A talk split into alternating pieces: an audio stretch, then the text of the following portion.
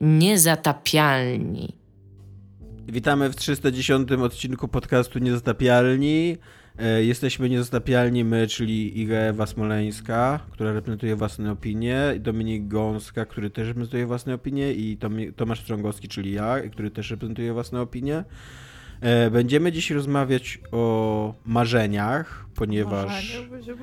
Ponieważ jak wymyślałem ten temat, to byłem w dobrym humorze, a później mi zupełnie przeszło i teraz czuję się głupio i naiwnie. E, I tak, czuję, czuję się jak taki. Czuję się, nie, nie, wiem, czy, nie wiem, czy kojarzycie, jest, takie, jest taki ulotny moment pomiędzy dzieciństwem a nastolenstwem, kiedy jeszcze jesteś dzieciakiem, ale już jesteś też trochę nastolatkiem. I masz wtedy takie, przynajmniej ja miałem, jak dorastałem, takie, takie momenty, kiedy chcesz się zachować jak dziecko, jeszcze chcesz się bawić, ale z drugiej strony sobie myślisz, ej, ale mam już kurde 12 lat, jestem poważnym człowiekiem, już nie, już nie mogę tam iść do piaskownicy z dzieciakami czy coś, co nie? Więc tak mam z moim tematem o marzeniach, że wymyślałem to będąc dzieckiem. Wow, to jest, to jest w ogóle taki trochę smutny moment, co? W życiu człowieka. Tak, tak. tak zarówno jest. magiczny, jak i bardzo smutny. No jest to na tyle smutne, że mam bardzo intensywne wspomnienia z dwóch takich sytuacji, gdzie centralnie chciałem coś, chciałem się jeszcze pobawić, ale później jak już siadałem do zabawek, to stwierdziłem, nie no, jednak jestem za stary już na to, żeby się bawić, już czas na cierpienie. No.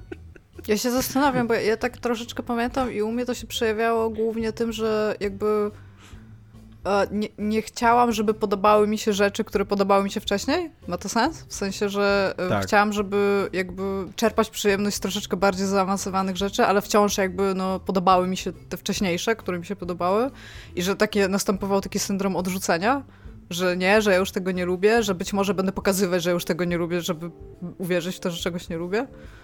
No tak, wow. bardzo, bardzo, dobrze to rozumiem. Jako człowiek, który przeszedł z dnia na dzień terapię szokową i przestał słuchać Top One i, i jakichś innych disco polo i, i, i fasolek i tak dalej, zaczął słuchać o Springa i Nirwany. I to centralnie to było tak, że tam, e, tydzień temu się dobrze bawiłem przy Top One, a później się zacząłem dobrze bawić przy Nirwanie. I musiałem, musiałem się odciąć od swojego mm, konstruktu jakby dziecięcego i, i przejść całkowicie do mojego konstruktu nastoletniego. Co nie A to jest jeszcze w ogóle tym, tym trudniejsze, jak stałeś się, się Gdy stałeś się mężem, odrzuciłeś wszystko, co dziecięce. tak. Kiedy, e, no bo te, te, dzieciaki, które przechodzą ten moment, nie są jeszcze na tyle wyartykułowane, żeby w jakikolwiek sposób przekazać tego typu emocje więc reagują tylko i wyłącznie na takich bardzo e, podstawowych, że tak powiem, emocjach ludzkich, czyli właśnie przez odrzucenie, albo przez totalną afirmację, albo przez, nie wiem, frustrację i złość. O Jesus. To musi być bardzo dziwny moment. Społeczeństwo dla... jest trudne. Tak, to musi być bardzo dziwny moment dla rodziców, co nie? Jak masz swojego, masz swojego kochanego synka albo swoją kochaną córeczkę, który, która jest grzeszna, fajna, ładna, bawi się, tam jest, wiesz, wszystkie ciocie ją lubią i tak dalej, a za tydzień ubiera się całe na czarno i w ogóle słucha Nirwany i, i, i myśli o narkotykach, co nie? I, wow. I, I, co się stało z moim dzieckiem w, tym tygo, w ciągu tego tygodnia? Co? No właśnie, to, to, to, jest właśnie kwestia tygodnia, albo wiesz, wyjazdu wakacyjnego tam, gdzie poznajesz tak, starsze tak. dzieciaki albo coś takiego i wracać coś takiego i Jesus Christ, Tak, nie? tak. Byłem na kolonii i ćpałem hormony, co nie? Przedawkowałem w ogóle.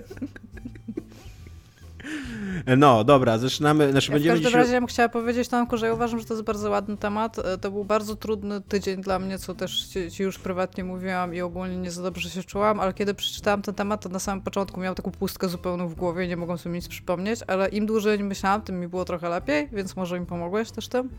Więc w ogóle jak fajnie, że wy, jak fajnie, że wy tak ze sobą rozmawiacie dużo. I tutaj Iga przekazuje, Tomek jakieś wrażenia z trailera, a Idze mówił, a Iga tutaj Tomkowi jak się źle Nie powiedziałbym, że, tak. że jakoś dużo. To była jedna rozmowa. Rozmawiamy też o, o, twoich fryzurach, Dominik. Tak, Mamy taki tak. ranking top 10, w kiedy robimy screen, jak się fryzjera. Tak. E, tak, ale zanim zaczniemy rozmawiać o naszych marzeniach, to e, Dominik gra w nową fancy super indie giereczkę. E, Właśnie opowiedzcie a, mi o tym. Tak, a że my zawsze z młodzieżą, że my zawsze na czasie i jakby surfujemy na, te, na, tej, na tej fali postępu i zmian społecznych i, i nowych premier, to Dominik, co jest grane u ciebie? Tak, grałem w grę niezależną o nazwie Lakuna, e, stworzoną przez niemieckie studio Digitales I jest to gra, o której bym się w ogóle nie dowiedział, gdyby nie Tomek, który ją wypatrzył na Twitterze, jakoś tak trochę przypadkiem, można powiedzieć. i powiedział mi, ej Domek, to jest jakieś gówno, które wygląda jak gówno dla ciebie. To jest, to jest klasyczny Tomek, nie? Podaje ci najlepszą grę totalnie pod, pod ciebie skrojoną i jeszcze nazywają głównym. nie no, to możliwe, że tak nie napisał akurat, możliwe, że to wymyśliłem, ale, ale mogłem, mogłem tak napisać, jakby przyjmuję tą personę. No i napisałem o promkę, napisałem day e, do człowieka, który, który rozdawał promki. I dostałem tę promkę i bardzo mnie mile ta gra zaskoczyła. Mimo, że nie wcześniej nie słyszałem, to już na pierwszym trailerze Możesz wyglądała powiedzieć faktycznie... tytuł. Lakuna, już Lakuna. powiedziałem, ale powtarzam. Tak? A, bo, to przegapiłem. E, tak, wyglądało to jak... mm, Znaczy Ona jest tak, e, ta, tak niskobudżetowa gra indie, że chcieli ją nazwać Laguna, ale nie starczyło im pieniędzy na tą kreseczkę jeszcze przy C.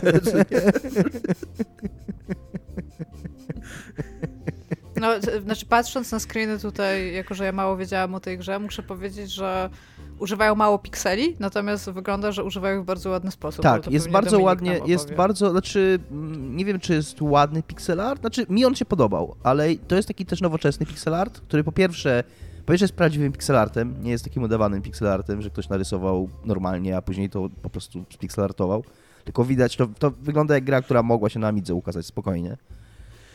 Yy, i, ale ma takie trochę, trochę, takich nowoczesnych efektów, że postać jest cieniowana, że tam jakieś efekty świetlne są, więc to ogólnie wygląda fajnie i, i ładnie i, i tak jakoś skleja się wszystko razem. I jest to gra przygodowa, taka dosyć w nurcie gier przygodowych, klasycznych, ale bardzo mało oparta na zagadkach. To znaczy, yy, yy, to jest taka gra bardziej w choice and consequence, yy, w, podejmowanie decyzji i patrzenie, jaki będzie efekt tych decyzji. I częścią, jakby jednym z elementów tych decyzji, znaczy jed- jednym z rodzajów tych decyzji, które się podejmuje, są e, takie, takie, m- są takie momenty w śledztwie, że musisz wypełnić taki, taki sheet, taki, nie wiem, kwestionariusz. to Ankietę. znaczy- ankietę taką, w której jest, w której musisz na przykład y, wybrać, co wydedukowałeś. To się mi trochę kojarzy z Obradin, po prostu masz szereg, powiedzmy, y, pierwszą rzeczą, jaką robisz prawie jest ustalenie tożsamości tam strzelca, który, który dokonuje zbrodni, zamachu praktycznie terrorystycznego. No i tam musisz ustalić, jaki on miał kolor włosów, kolor brody i jaki, i jaki znak szczególny na przykład. I ty tą ankietę wypełniasz, po czym robisz submit, ale gra pozwala ci zrobić to submit dopiero w momencie, jak, y, jak wie, że masz już wszystkie potrzebne informacje. Co jest takim trochę ułatwieniem. No i jak robisz to submit, to gra ci nie mówi, czy to jest dobre, czy nie. Tam nie ma takich, y, że się zacinasz, że, że muszę wymyślić i jak nie wymyślę, to, to nie pójdzie dalej. Tylko robisz to submit i, i jakby i gra idzie dalej. I od tego, i zależnie od tego, czy ci dobrze to śledztwo poszło, czy nie, to tam się różne rzeczy dzieją. E, I mnie ta gra ujęła e, bardzo ciekawym światem, tak od e, praktycznie od początku. Bo jak na standardy tego, czym raczą nas tradycyjnie gry wideo, w swoim konstrukcji, konstrukcji świata i konstrukcji fabuły, to tam się zaskakująco dużo dzieje. To znaczy tam od, od samego początku dowiadujesz się, to się dzieje w jakimś układzie słonecznym, nie naszym, jakimś tam Czyli science fiction. To jest science fiction, tak. E, W którym istnieją takie napięcia postkolonialne pomiędzy planetami. To znaczy jest jedna planeta, z której, m, której jakby oryginalnie, na której oryginalnie żyją ludzie, jakoś tam bardziej. Druga, Właśnie to która nawet nie są postkolonialne napięcia, tylko jeszcze wprost kolonialne, bo tam Wprost tak, jedna, tak. jedna planeta jest kolonią drugiej. Tak, jedna planeta jest kolonią drugiej i jednocześnie są dwie korporacje, znaczy na, na tej planecie, która jest skolonizowana, wydobywany jest jakiś bardzo cenny materiał, który służy do produkcji baterii. E, więc są dwie korporacje, znaczy tam jest dużo korporacji, ale jakby centralne dla fabuły są dwie, z których jedna y, jest właśnie na tej głównej planecie, a druga jest na tej kolonialnej. I ta, która działa na kolonialnej, musi kupować, jakby ten materiał jest wydobywany na tej planecie, e, eksportowany na tą główną planetę, po czym firma, która na tej kolonii y, działa, musi ją z powrotem importować. I to jest dla nich takie super bez sensu i nieopłacalne, że oni muszą importować materiał, który jest u nich wydobywany. Więc oni chcą jakąś tam niezależność uzyskać. E, y, historia No się i ta zaczyna, kolonia kiedy... chce niepodległość jakby. Tak, kolonia chce chce uzyskać niepodległość. Przy okazji na tej kolonii coraz większą siłę zdobywa jak taki ruch religijny, który się wywodzi z trzeciej planety. E, I ten ruch religijny jest postrzegany jako antynaukowy, więc e, też tak, takie napięcie tam jest. No i gra się zaczyna od zamachu na e, prezydenta tej kolonii, który przybywa Minister na Spraw. Zagranicznych. Ma, okej, ministra spraw zagranicznych, który przybywa na tę planetę na tą główną planetę, żeby właśnie negocjować jakiś, jakiś układ, jakieś warunki, jakieś polepszenie sy sytuacji. E, no i, i jakby ty, główny bohater jest e, agentem czegoś, co się nazywa CDI, Central Department of... I tutaj ta gra trochę nie może się zdecydować, jak to się nazywa, bo wszędzie piszą Central Department of Intelligence, a na logo, które jest w tym budynku, jak wchodzisz, jest, Jest Central Department of Investigation, tak. Tak. I to jest jedyne miejsce, gdzie to jest nazywane of Investigation, wszędzie indziej jest of Intelligence, więc to po prostu pewnie jak zmienili tą nazwę na jakimś etapie, a zapomnieli ją zmienić na, e, na tym logo. E, I, I do tego jeszcze jest taka spoko drama głównego bohatera, który jest po rozwodzie i e, ma córkę z tą swoją byłą żoną, więc jest tak dosyć gęsto, dosyć, dosyć dużo rzeczy się tam dzieje od, e, od, A tak- powiedziałbyś jeszcze e, odnośnie do tego, że mówisz, że to jest science fiction, ja tutaj widzę na e, screenach oraz na takim promocyjnym jakby arcie, gdzie on podpala papierosa, to jest jakaś taka też rodzaj gry noir, bo on jest Tak, ubrany jest- w prochowiec, tak? Okej, Tak, czyli to- to dobry jest vibe odczuwam. To jest bardzo w konwencji, to nawet ma podtytuł taki pod SEO, że to jest noir, sci-fi, adventure, coś tam, coś tam. E, Jest to bardzo w duchu noir, takie właśnie, że nawet jest kurna mechanika palenia papierosów, e, która jest, jest bardzo fajnie uzasadnione w grze i powiedziane, że już w tych czasach nie ma raka płuc i można palić guilt free, że, żeby gracz jakby nie, nie traktował tego jako wybór moralny. To jest po prostu fajnie wygląda. Ale też jest napisane, że możesz pomóc y, y, rz- rzucić y, Tak. Konradowi Tak. palenie. Tak. y, I, i, i, i, i, i, i, i jest to gra dosyć krótka. Mnie jakieś 6 godzin zajęło, a ja gram wolno w gry, więc pewnie i w 5. Właśnie zastanawiam się, ja, ja jestem po trzech godzinach i miałem właśnie obławę, czyli jakby rozwiązałem ten, e, ten wątek, który się za, za, za, zaczyna, jakby łap- złapanie tego terrorysty, o którym Dominik wspomniał. Czy to, czy to znaczy, że jestem w połowie gry? Bo ja nie czuję, jakbym był w połowie gry. Jesteśmy mniej więcej w połowie gry, tak. Aha. Jesteśmy mniej więcej w połowie gry. I, I ta obława mi się super podobała, bo właśnie ta obława jest konsekwencją tego śledztwa, które robisz. I, I później y, y, jakby twoja drużyna, twoi y, jakieś tam, jacyś tam ci funkcjonariusze robią właśnie obławę na tego, na tego snajpera. I ty w tej obławie nie uczestniczysz, ona jest, y, jakby dzieje się poza tobą i ty z partnerem swoim siedzisz z tyłu takiego mm, samochodu policyjnego, jakiejś takiej ciężarówki. I jakby słyszycie przez radio tylko, y, co się dzieje, więc ja się tym super emocjonowałem, mimo że byłem prawie pewien, bo, y, że dobrze tam wybrałem, bo jeżeli mam jakiś zarzut do tej gry, to jest ona trochę za łatwa jednak, moim zdaniem. To znaczy, nie miałem w niej praktycznie ani razu takiego momentu, żebym kwestionował y, to, co... Jak się tam w miarę uważnie gra i w miarę się śledzi to, co się dzieje i czyta, bo tam jest dużo też artykułów prasowych, które znajdujesz, jak się w, w miarę uważnie się w to gra, to dosyć ciężko jest nie wiedzieć. mm, Tak, to, jest tak, że gra ci mówi, że możesz się mylić i że ona jakby jest gotowa na to, że się będzie pomylił, ale na razie, przynajmniej dla mnie w tej pierwszej połowie, dosyć trudno się pomylić, jakby musisz No dosyć właśnie- intencjonalnie się pomylić. No właśnie o to chodzi. I też i takie wrażenie miałem do końca, że ja bym chciał, żeby chociaż raz, żebym się pomylił i zobaczył konsekwencje tego, a wydaje mi się, że, że chyba po prostu trzeba się postarać i trochę tak zrobić na przekór grze. I wiem, że teraz wybieram świadomie e, złe rozwiązanie, bo chcę zobaczyć, co będzie, więc to jest troszkę rozczarowujące, że, że w zasadzie ani razu nie miałem takiego, takiego czegoś, że, że, że się okazało, że się pomyliłem i żebym mógł zobaczyć konsekwencje tej swojej pomyłki. Ale to znaczy, Dominiku, że być może ty jesteś rozczarowany tym, jak dobrym graczem jesteś. Nie, wiesz co, może Iga, może ty, a nie tak. Ja też gram w tą grę, a wiesz, że nie jestem dobry w przygodówki, że to nie jest mój konik i no mam trochę takich Dominik. Znaczy, pewnie spędzam tam ze 3 minuty dłużej nad tymi zagadkami, ale nie czuję się, że mnie ciśnie ta gra jakoś intelektualnie, to nie? A nawet jeżeli wybierasz dobrze i nawet jeżeli tego, to ona ma... e, Dominik, ty przeszedłeś tą grę. Tak. E, Fabularnie jest, że tak powiem, tight, jest spoko, fajnie, polecałbyś tak, żeby jest- sobie przeżyć tą historyjkę? Jest to bardzo fajna historyjka, yy, z którą się bardzo wkręciłem, ale która też ma ten sam trochę problem co zagadki. To znaczy, to jest historia bez plot twista. I to jest spoko. To znaczy, jeżeli chodzi o samą fabułę, to, to ja to cenię. Wydaje mi się, że wszyscy trochę to cenimy. Jesteśmy trochę zmęczeni plot twistami, Mhm. szczególnie w grach wideo. Jeżeli to jest historia, w której spodziewasz się, że coś się wydarzy i to mniej więcej tak przebiega, jak się spodziewasz i, i, i, i tyle, nie? To fabularnie jest to fajne. Natomiast trochę przez to to śledztwo na tym traci, no bo jakby skoro wiesz i tak od początku mniej więcej się domyślasz, jak to się potoczy i okazuje się w toku tego śledztwa, że faktycznie to się potoczyło tak, jak się domyśliłeś, to znów nie ma tu za bardzo pola, żeby się pomylić, żeby, się kwestio- żeby jakoś kwestionować swój wybór, żeby się jakoś zastanawiać nad tym. Więc y, tutaj wydaje mi się to trochę, trochę zmarnowana szansa, ale to jest taki bardzo drobny tak naprawdę dla mnie zarzut, bo to jest koniec końców gra na 5 godzin czy 6 i która jest tam na 6, za 60 zł na Steamie i, i mi naprawdę dwa super wieczory przy niej spędziłem. Takie, że jeszcze przy okazji gram w tego asasyna, którym jestem już tak zmęczony, ale To gram w przestań, niego. wiesz, że nie musisz, nie? Na, na How Long To Beat, nasz ulubiony serwis, który zawsze się zgadza, jest napisane, że Lakuna powinna zająć pomiędzy 5 a 7 godzinami. No to Ja, mi, mi, y, no, ja ci w ogóle, Dominik, y, powiem, zdradzę taki sekret. Jakby nikt z nas tutaj nie jest fanem ani fanką rządu Mateusza Morawieckiego, ale zdarza się temu rządowi czasem coś pozytywnego wprowadzić i oni jakieś pół roku temu taką mało znaną ustawę, która przyszła bez echa, y, przygłosowali, że y, od dzisiaj można nie kończyć gier.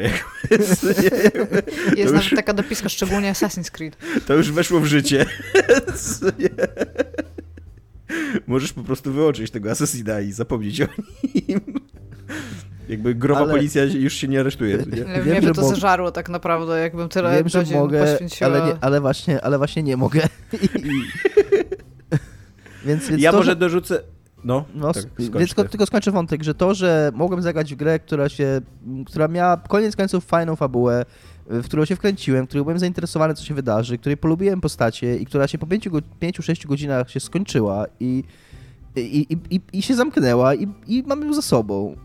To byłem bardzo, bardzo ucieszony.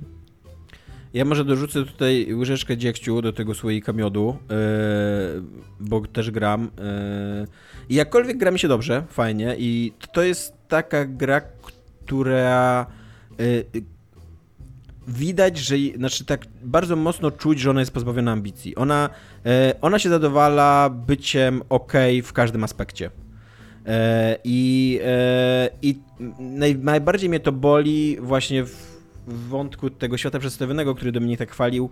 Dla mnie ten świat przedstawiony jest strasznie podporządkowany fabule, tak na każdym kroku. Wszystkie artykuły, które ci podsuwają, wszystkie wydarzenia, które tam się dzieją i tak dalej, to wszystko jest, cały czas mam takie wrażenie, że okej, ja to widzę tylko dlatego, że to będzie istotne i okazuje się za chwilę, że jest istotne.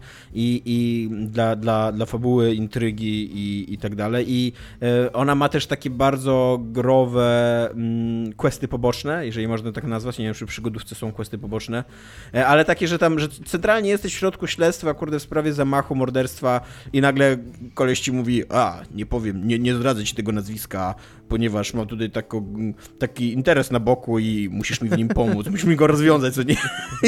I, gdzie tam, jakby gdyby to była taka w miarę konsekwentna, nuła, policyjna drama, to po prostu by kolesia zgarnęli, albo go tam uderzyli, albo, albo nie wiem co, albo mu pogrozili, co nie? A ty mówisz, a nie, okej, to ja wezmę tego questa pobocznego, tutaj pójdę do drugiej lokacji, pogadam z taką dziewczyną i, i wtedy do ciebie wrócę z, z tym, co mi odpowiedziała, ponieważ jesteśmy w grze wideo i, i to A jest nie, gra wideo ale i będziemy teraz się tym, ty wideo tym, robić. o tym szefie tej agencji towarzyskiej, tak? Tak, tak. To ja mu powiedziałem, że nie. Ja mu powiedziałem, żeby spadał i że nie mam na to czasu i nie będę chodził do jakiejś dziewczyny. I powiedział mi to, co miał mi powiedzieć w końcu i tylko się obraził.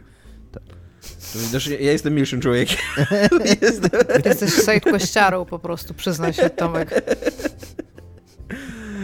I tutaj, a to jest, to jest faktycznie, to jest ten moment, kiedy, kiedy czułem, że nie, nie wpłynęło to jakoś super na, na śledztwo, bo ja miałem to najlepsze zakończenie, tak mi się wydaje, bo tak ono wyglądało, Mhm. ale jest taki moment, że później się ciebie pyta jeden człowiek, czy gadałeś z tą dziewczyną i jakby ona się pojawia gdzieś, wraca jako element tej układanki i, i, i wtedy po prostu miałem takie, że nie. Nie, nie wraca. Nie, nie.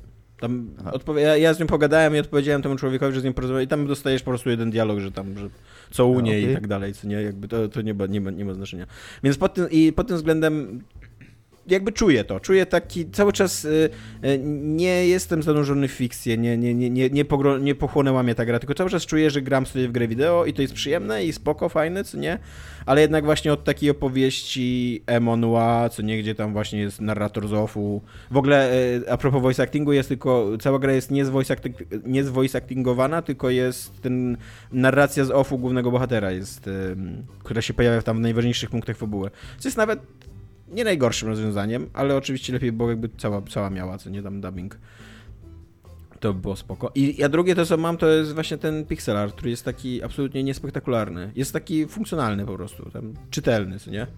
Na screenach Ale- wygląda ładnie, ale nie Mi się- widziałam go w mi się- akcji. Wydaje mi się, że może być ładnie animowany. Mi się podobał, mi się podobał. Właśnie jest, y, jeżeli chodzi o animację, to tam jest dosyć uboga ta animacja. Tam bardzo mało jest. Poza, poza na przykład paleniem papierosów. Jakby tam zwracasz uwagę na to, że okej, tam zanimowali całe to zapal, wy, wyciąganie zapalniczki, zapalanie tego papierosa i tam później stoi facet i- i pali i jeszcze na końcu wyrzuca papierosa, co nie? To, to okej, to, to jest fajnie zanimowane. Ja, E, ja się oczywiście, znaczy nie chcę powiedzieć, że zgadzam, ale przyjmuję, przyjmuję to, co powiedział Tomek, natomiast ja mam na to taką perspektywę, że jakkolwiek oczywiście zgadzam się z tym zarzutem i rozumiem go, o tyle mi się to te, też w tej grze podobało, że ona jest konkretną małą rzeczą, że ona nie jest znowu wielkim światem, którym ja mam być 20 godzin, w którym będę nie wiadomo y, ile rzeczy czytał, y, rozwiązywał, rozmawiał, że właśnie tam jest, dla mnie to, że tam wszystko było podporządkowane tej historii, która jest krótką, zwartą historią, właśnie to było dla mnie wręcz zaletą. I jakby nie przeszkadzało mi to, że, że nie mam Ale- teraz...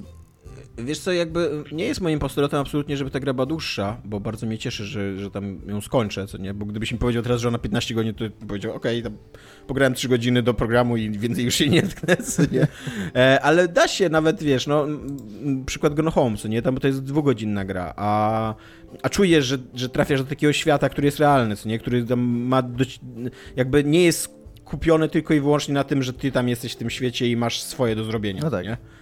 Tylko jest wieloaspektowy Żyje i... poza ekranem. E, Tak, no argumentum właśnie. ad, ad gone homeum y, jest nie do obalenia.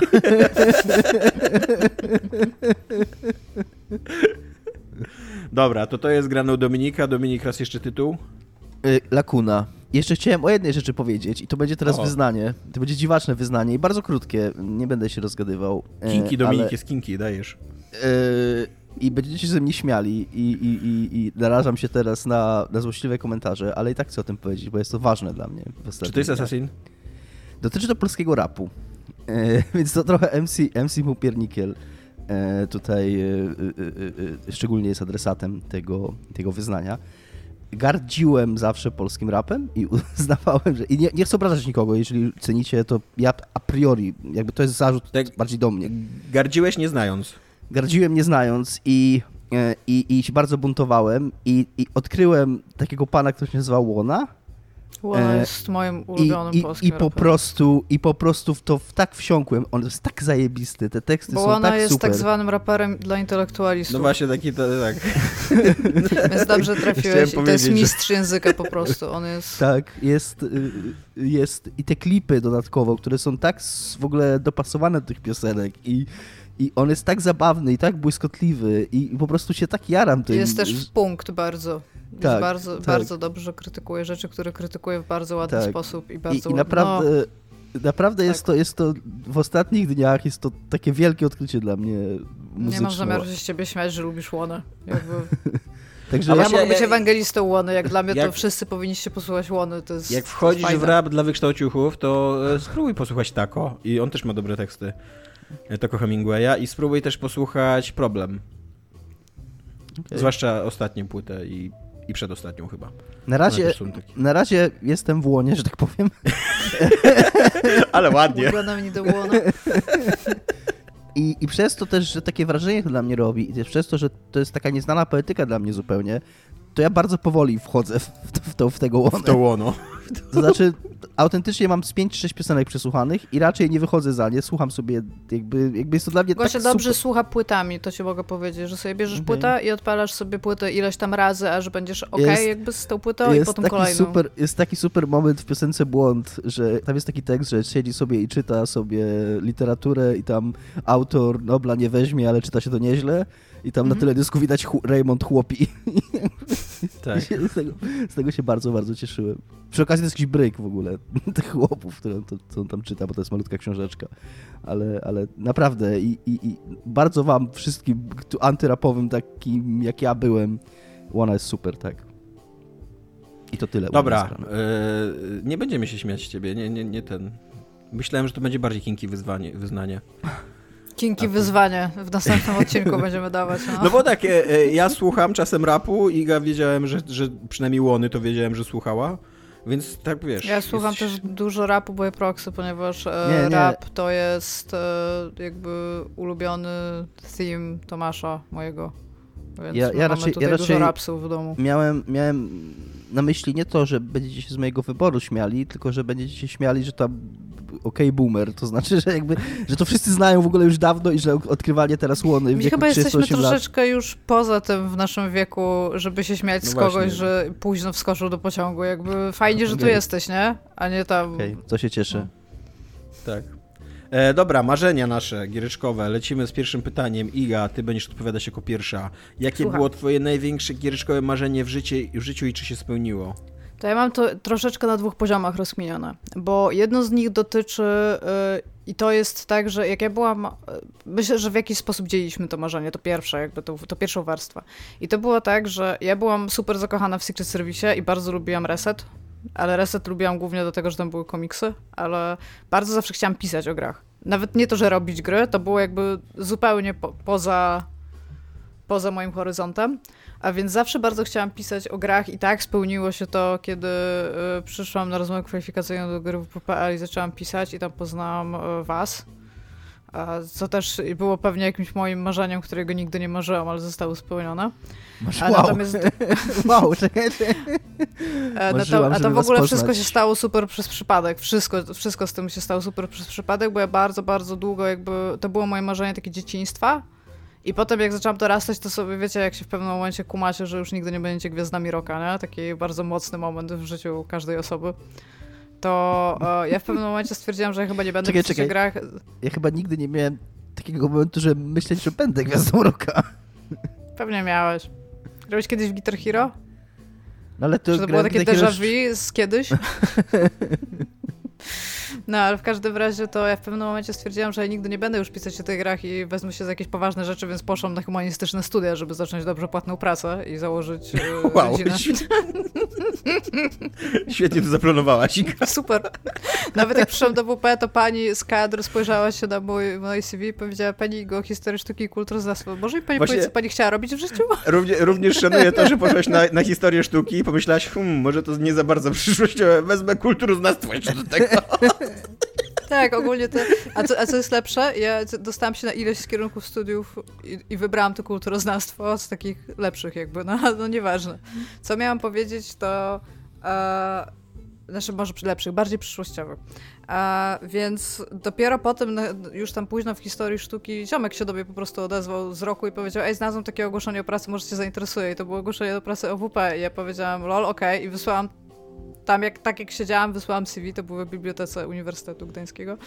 No, no i tam reszta to już historia, więc to moje marzenie się spełniło, ale na drugim poziomie e, ja nigdy nie miałam e, jakby ja nigdy nie miałam konsoli, jak dorastałam. Oczywiście miałam jakieś tam Pegasusy i takie wszystkie tam pierdu pierdu.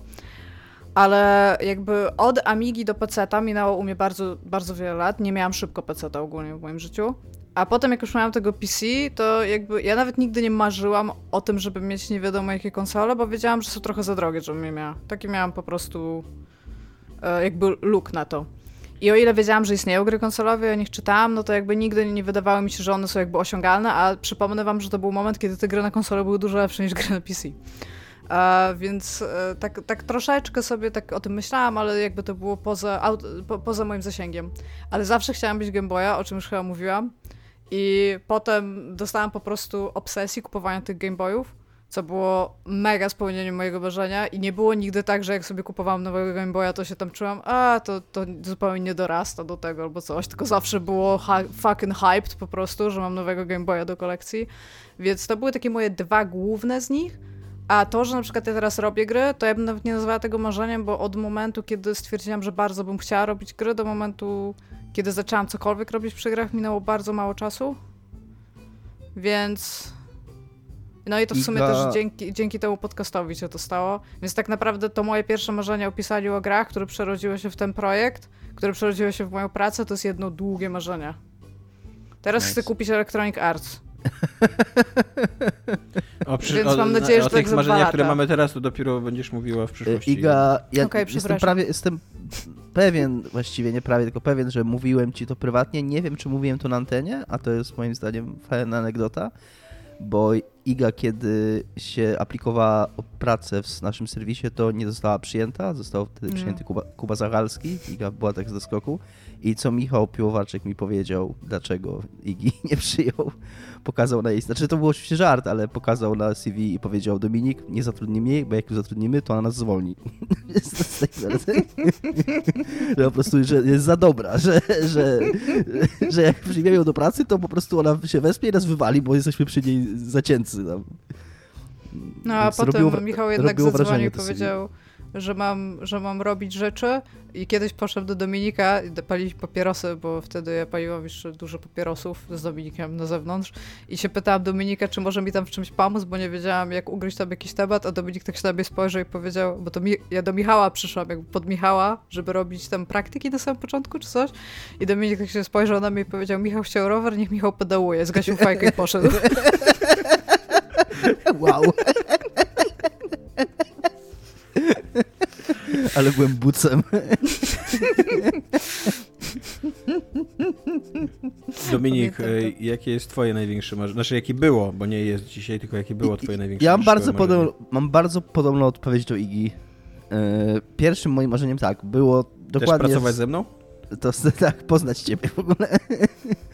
Y, Trafienie do krytyki growej, tylko oczywiście nie myślałem wtedy o tym w ten sposób, tylko też czytałem oczywiście Secret Service i Gamblera i Reset i chciałem być tacy jak oni i, i grać w gry i pisać o grach i być fajnym człowiekiem, bo to wtedy wyglądało z zewnątrz, to są wszystko super fajni ludzie. Y, I, i bardzo do tego... Ale to się zmienia ta perspektywa, jak jesteś w środku, co? Tak, jak, ci, tak. jak ci I- fajni ludzie I przestają z być fajni. perspektywy, I z perspektywy No. właśnie, u, m- u, tak jak u Igi to się wydarzyło przypadkiem, tak jak powiedziała, tak u mnie też było w tym, jak się, tak realnie jak to się działo, to było w tym mnóstwo przypadków. A, ale jak patrzę na, na, na swoje życie i swoje decyzje, na ten taki, wiecie, Jak patrzysz na ten cage'owski ro- rozpiskę, Tak, tak? dokładnie. Jak to szło, To to, to wygląda- to widzisz, że to inwestowałeś w jedno drzewko cały czas. to, to, to wygląda jakbym bardzo sukcesywnie do tego dążył. No ja tą historię o CD Projekcie odpowiadałem milion razy. Ja miałem jakieś 20, nie wiem, 2 lata, 21 lat, jak tam aplikowałem. Yy, wysłałem tam po prostu, ja tam pisałem na forum w ogóle. Yy, I tam się udzielałem na forum, bo to były takie czasy, że się tam uczestniczyło w życiu forum. Yy, ja w ogóle nie Fora zostałem były przyjęty. fajne. Ja, ja, oni mieli właśnie wrzucili takie ogłoszenie, że tam potrzebują człowieka do newsów, ja tam aplikowałem i nie przyjęli mnie. E, jakiegoś innego typa przyjęli, tylko ten inny typ zrezygnował i ja byłem jakby drugim wyborem. I, i, i potem jakoś to się wszystko potoczyło, WP i tak dalej. wszyscy potem. jesteśmy drugimi wyborami? Teraz Tomek powiedz, że też nie byłeś drugim wyborem. Na maksa byłem, przecież ja, ja aplikowałem o stanowisko Dominika, a mnie przyjęli do komiksomanii. Jesteśmy super. Jesteśmy tak, odrzutami takimi, co i tak się powinniśmy nazywać.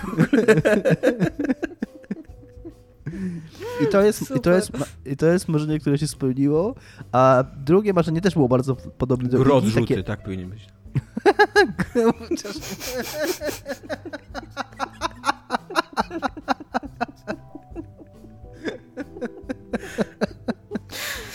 Zakładamy skład. Niezasypialni team. Yy, A drugie marzenie miałem też, też takiej podobnej skali jak Iga. M, Bardzo długo w swoim życiu marzyłem, jeszcze jak w ogóle posiadanie oryginalnej gry to było wydarzenie i tam się miało raz na jakiś ruski rok taką grę, żeby mieć taką wielką półkę super, gdzie będzie pełno gier yy, i że będę takim właścicielem mnóstwa gier. I to marzenie zrealizowałem w czasach Xboxa 360, bo wtedy dużo kupowałem gier, dużo dostawaliśmy promek i autentycznie miałem wielką półkę z grami, którą w końcu sprzedałem razem z konsolą i już jej Jest to ma. przereklamowane, tak. Jest to przereklamowane. Jakby nie- fajnie się z tym czułem, że to mam, po czym bez żalu zupełnie sprzedałem to razem z Ja, konsolą. ja cały czas jestem w, jakby living this dream. Już mam szafę podzieloną na, na trzy różne sekcje gier i ciągle nie jest pełno. Ja już praktycznie nie kupuję gier w pudełkach, a jak kup, kupię grę w pudełku, bo miałem trochę gier w pudełkach na Xbox One, to jak mam grę w pudełku, to prędzej czy później ją sprzedaję. Mam taką... No właśnie, jak ja kupuję grę w pudełku, to głównie po to, żeby ją sprzedać. Że, A ja nawet- że ja nawet tylko ograć i nara. Ja nawet nie z taką myślą, żeby ją sprzedać, tylko nadchodzi taki moment, że nie mam pieniędzy. to, to jest częsty moment w moim życiu. I, I leży ta gra na półce i myślę sobie, po cholerę mi ta gra. I tam za jakieś 5, 5 dyszek gdzieś tam wystawiam, sprzedaję i nie żałuję w ogóle. I, I przez to mam tam dosłownie nie, dwie gry chyba w tej chwili w pudełkach. Jakuzę ostatnią i Divinity, w które gram z Owsianym. A ja będziemy oczywiście... się śmiać, jak cywilizacja upadnie zobaczymy, w co sobie wtedy pogracie. No, No zobaczymy, zobaczymy E, ja oczywiście również przez całe życie marzyłem, żeby was poznać, ale zupełnie nie wpadło mi to do głowy, żeby tutaj napisać przy tym pytaniu. E, ale mam podobnie jak Dominik, że e, były takie czasy, gdzie kiedy posiadanie gier, nawet kurde pirackich, e, było skomplikowane, zwłaszcza jak się mieszkało w Olsztynie, który nie miał, albo przynajmniej ja wtedy jeszcze nie znałem jakiejś dobrze wyposażonej giełdy.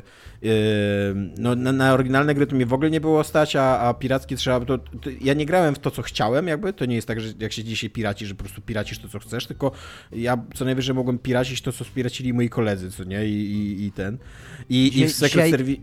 Dzisiaj się nie piraci i Tomek tylko własną opinię wyraża, a nie opinię podcastu Niezdawialni.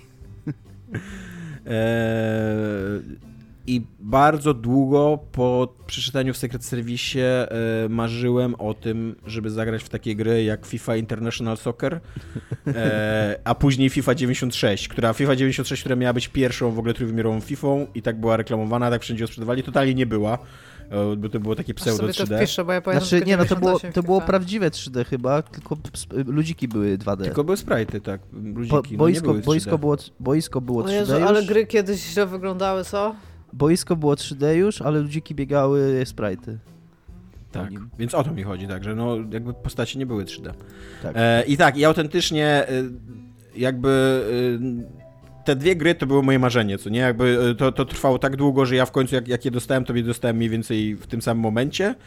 E, I paradoksalnie dzisiaj o wiele lepiej wspominam FIFA International Soccer, czyli tą pierwszą FIFA, która była jeszcze 2D i była technologicznie była gorsza, ale gameplayowo była chyba dużo ona ciekawsza była dla taka, mnie. taka izometryczna była, nie? Tak, tak, taka izometryczna. I, i był tam taki, e, taki bug, że jak piłkarz złapał, jak, jak bramkarz złapał piłkę, to można było go zablokować i on wykopywał tą piłkę prosto w twojego napastnika i mogłeś, mogłeś trafić bramkę tam w 9 na 10 sytuacjach. Nowa FIFA, Gralibyś... grałem z Owsianym w FIFA nową ostatnio, tą 21 e, i ona ma trochę tak zrobiony widok teraz, że jak jesteś w polu karnym, to ta kamera się tak ustawia, że to trochę wygląda jak w tej FIFA International Soccer, że takie właśnie jest, że nie jest tak od boku jak było zawsze, tylko tak się kamera ustawia, że to właśnie tak wygląda trochę izometrycznie. Fajne. Czy gralibyście w takiego turowego RPG, gdzie po prostu gracie mecz i rozkładacie wszystkich swoich ziomeczków? Mają Jest różne taki, ataki e, specjalne? Kapitan Tsubasa jest taki właśnie jako turowa mm, ta. No, ale kapitan turowa gra w Tsubasa mecz jakby, ma... co nie Tak, ale nożnej. to jest jakby... I masz Oni tam mają te wszystkie Tiger tak. Attack and shit, a mi tutaj chodzi, żebyś Ale miał ten- ten centralnie nowy? piłkę nożną rozpisaną. Tak. Okej, to jest turowe naprawdę?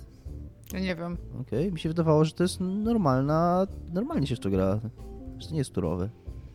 Teraz to- już nie jestem pewien, ale y, tak mi się wydawało cały czas. Jak Tomek mówił o tym, że marzył o tych dwóch grach, to mi się przypomniało, że ja miałam dwa numery Secret Service, ale nie pamiętam, które to były, 32 i jakiś tam chyba. Gdzie Wow.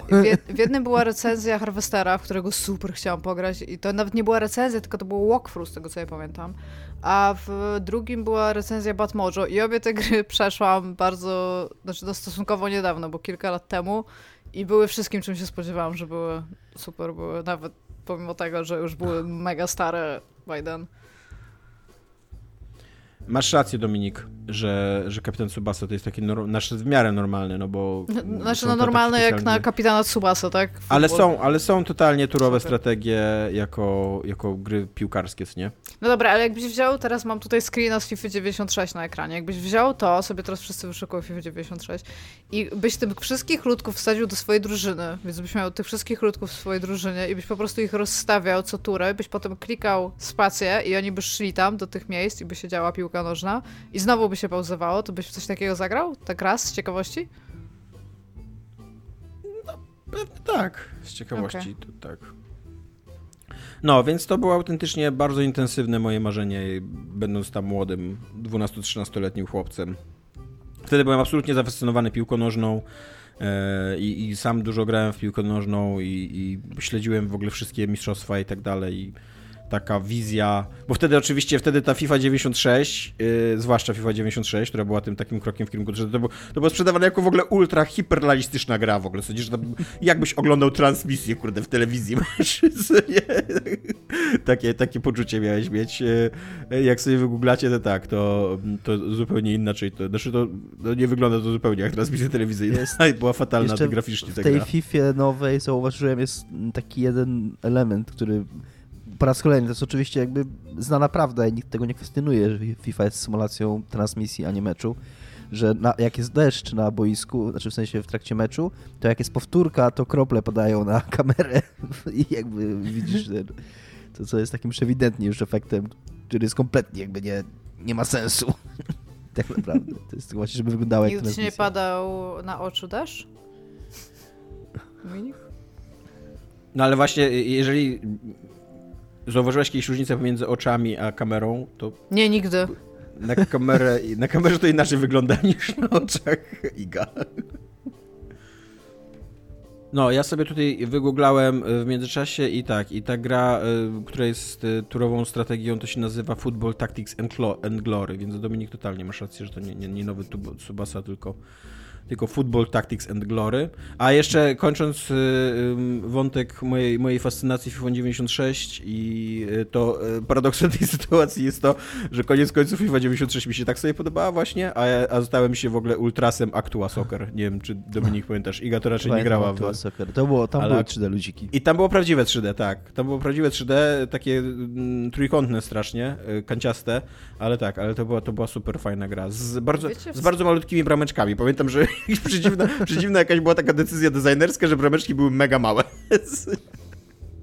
Ja, y, ja grałam w jedną grę sportową związaną z piłką nożną. Oprócz FIFA 98, w którą w jakiś dziwny przypadek też gram.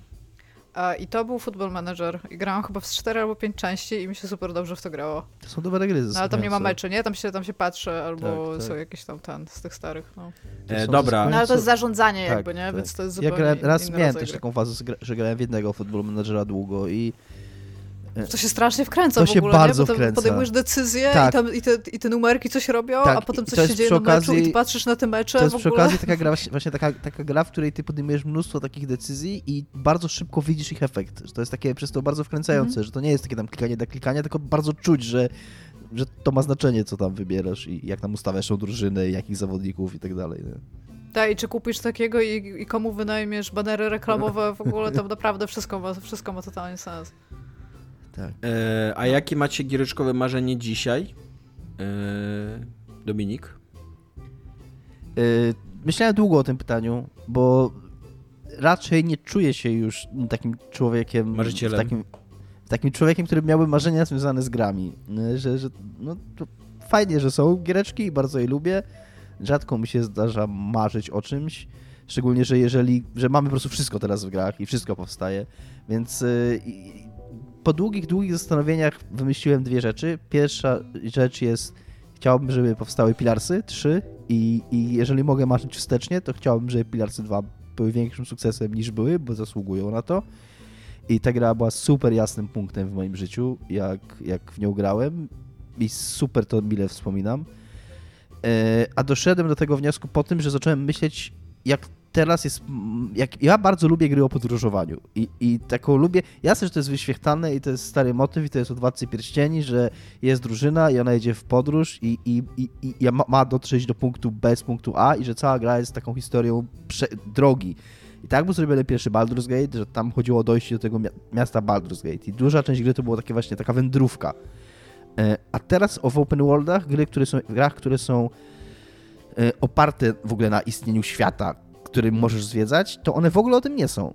To są gry o mnóstwie rzeczy, że możesz pójść w każde miejsce, a jednocześnie nic z tego nie wynika za bardzo.